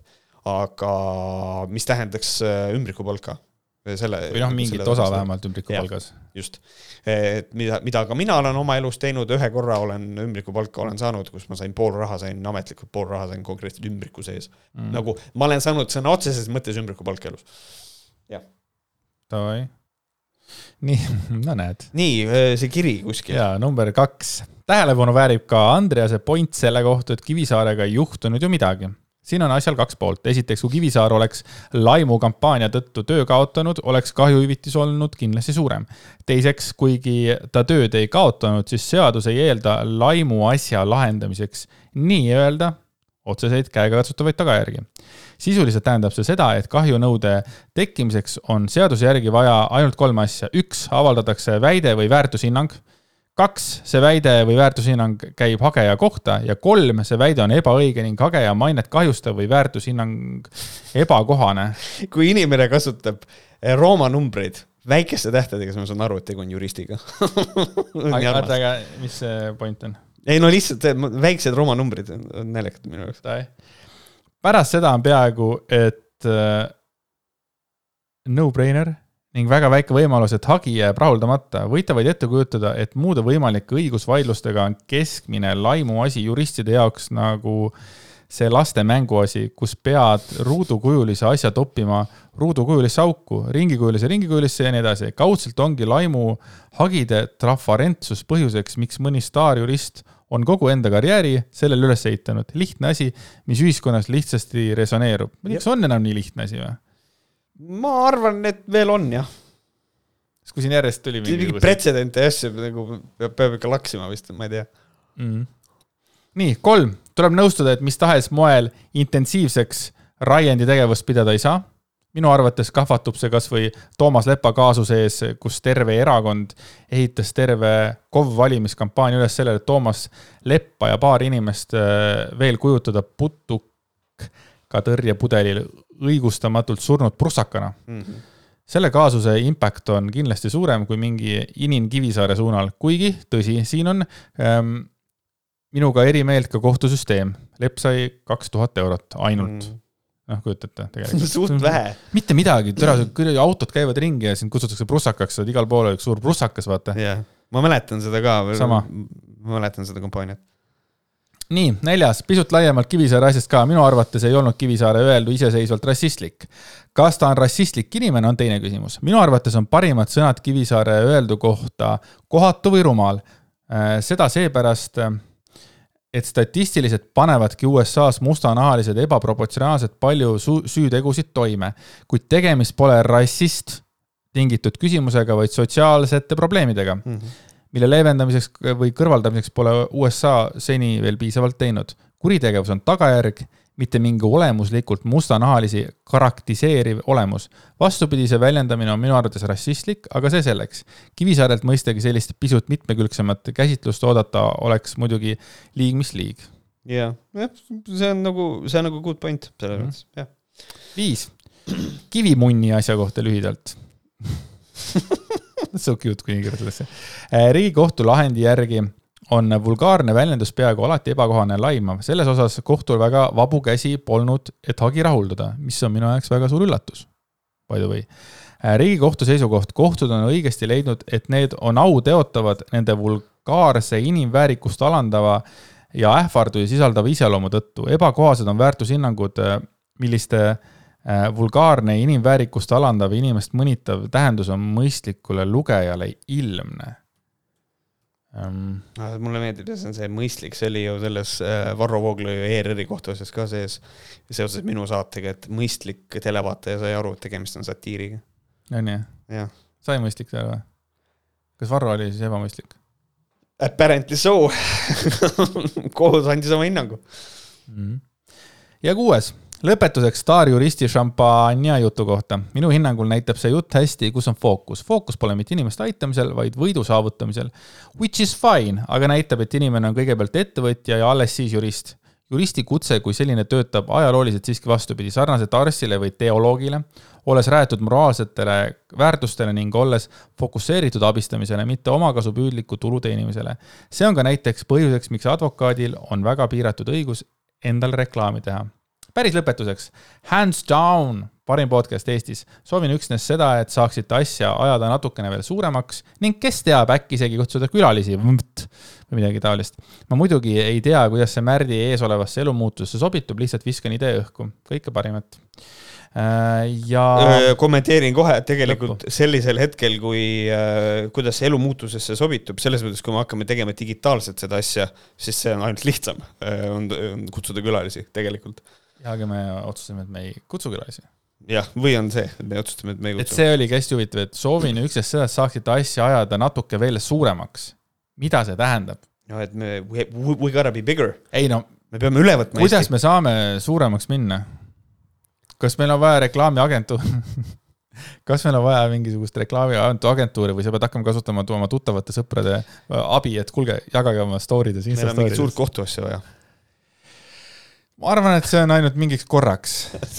see korraks töötab, vaata inimesed tulevad, see on nagu Objektiivi saatega. said Jaa. selle sada viiskümmend tuhat vaatamist ära ja järgmine saade on tagasi kaheksa tuhat, noh. jep, mis Et- tähendab, mis tähendab seda, et actually nobody cares. noh, nii, nii mõttes küll, ei no nii ei saa öelda ikkagi, kaheksa tuhat on ikkagi ilus number. ja ei, ei on, on jah. Aga aitäh kirja eest. ma sain tegelikult juba sõimata kulissi taga, et me seda kirja juba ette pole lugenud, aga okei või? jah, aga et ühesõnaga jah, suu-, suur tänu. tore on, et siin saates on vahepeal intellektuaalset juttu ka. vot, no selge, aga tore, aitäh kirja eest, jah, intellektuaalse jutuga paneme siis nüüd siia just. punkti. punkt on pandud, Malle Pärn jäi täna välja. Malle Pärn jäi täna välja, aga kõigeks on aeg ja koht. vist. ma tunnen, et tänane saade tuli veits tõsisem jälle. tahan kohe hakata tagantjärgi arutlema, mis meil saates täna toimus. tänane saade tuli tõsi, ta tuli tõsisem, aga minu arust ta oli, ta oli, ta oli rasvane ja tihke. sihuke, et ta oli mulle, mulle, rasvane, tihane. rasvatihane oli saade. kas sa linde tunned ära muidu või? linde, tihase, varblase, linavästriku, pääsukese. kotka kas sa saad aru, et kotkas on väga lai termin, äh,. ei saa. et nagu kotkaid on väga palju erinevaid, ma aga olen näinud ainult filmides, et kuskilt kaugelt Ameerika maalt kotkad. sa mõtled nagu Bold Eagle või? mingid suured ja siuksed ägedad. kas sa tead ka, et Bold Eagle'i see äh, kriiskamine et see ei ole Bold Eagle'i enda oma, kindlasti ei tea. see on, see vist on Red Eagle, see on, see on tema oma on võetud ja pandud Bold Eagle'ile. see info on küll äh, vajalik. sest Bold Eagle põhimõtteliselt nagu ei tee häält. davai, Aga davai, see- davai. see, mis ta teeb, see on Red Eagle tegelikult. guugeldage Red Eagle ja ta teeb täpselt seda häält, mida. mis häält reba, rebane teeb? ting-ting-ting-ting-ting-ting-ting. ma ei tea, ma ei ole näinud kunagi. rebast või? rebast, ei rebast ma olen näinud, aga teda häälitsemas ei ole näinud. Hey, what up, man? midagi siuke või, või võiks olla rebane. Tšau. kusjuures rebane on täpselt selline nunnuloom, keda nagu tahaks omada lemmikloomana, aga kuna ta on fucking metsloom, siis see vist ei ole päris üks nii lihtne. äh, on olemas kodustatud rebasetõug. lausa rebasetõuga, kas see kodustatud tähendab seda, et ma saan ta võtta siia ja ta hängib mööda tubasid? ta peaks olema, Venemaal minu arust tehti, kodustati ära üks, on olemas kodune, kodustatud rebane ja mingid hästi ilusad, mingid valged rebased, mingid oh my god, kui nunnud. siis, Arctic Fox, kus on lihtsalt kaks kõrva ja väike rebane käib järel. ja siis, siis kui ma väike olin, siis ma kujutasin ette, et kui äge oleks omada tiigrit. kodus, et kuskil diivani peal lamab tiiger, noh, siis kui ma täiskasvanumaks sain, ma sain aru, et see ei ole nagu väga reaalne Might. fucking eat me. aga see nagu see mõte oli kuidagi nii äge oleks suur tiiger, noh. aga noh, Joe Exotic on praegu kinni, nii et selle mõtte ma vist ka kannan maha, noh. võib-olla küll. ja ma tahtsin siia võtta lambaid äh, või kanu, aga ma ei saanud äh, oma perest äh, nagu mm, heakskiitu. jah, küll aga seal Tallinnas kesklinnas jalutas kana, oli uudis äh, meedias, et tegelikult, jaa, et. kas see oli vähemalt õigel pool teed? ma ei tea, why did the chicken cross the road äh,? ei, vot ei teadnud. palmipuu, palmipuu peaks selle üles otsima ja jah, kas ta on õigel pool teed või ei ole? Get to work. vot, aga öö, teile suur tänu, et olite täna meiega, meil on Patreon, muidu kui keegi on huvitatud meie Patreonist, see on patreon.com, see on patreon.com kaldkriips Vohkarid. külastage, vaadake, kui te tunnete, et te tahate veel meie saateid, siis sealt on võimalik saada ligipääs niimoodi, et saate iga öö, nädal kuulata meie saadet, ma peaaegu ütlesin iga päev huh,. Holy shit.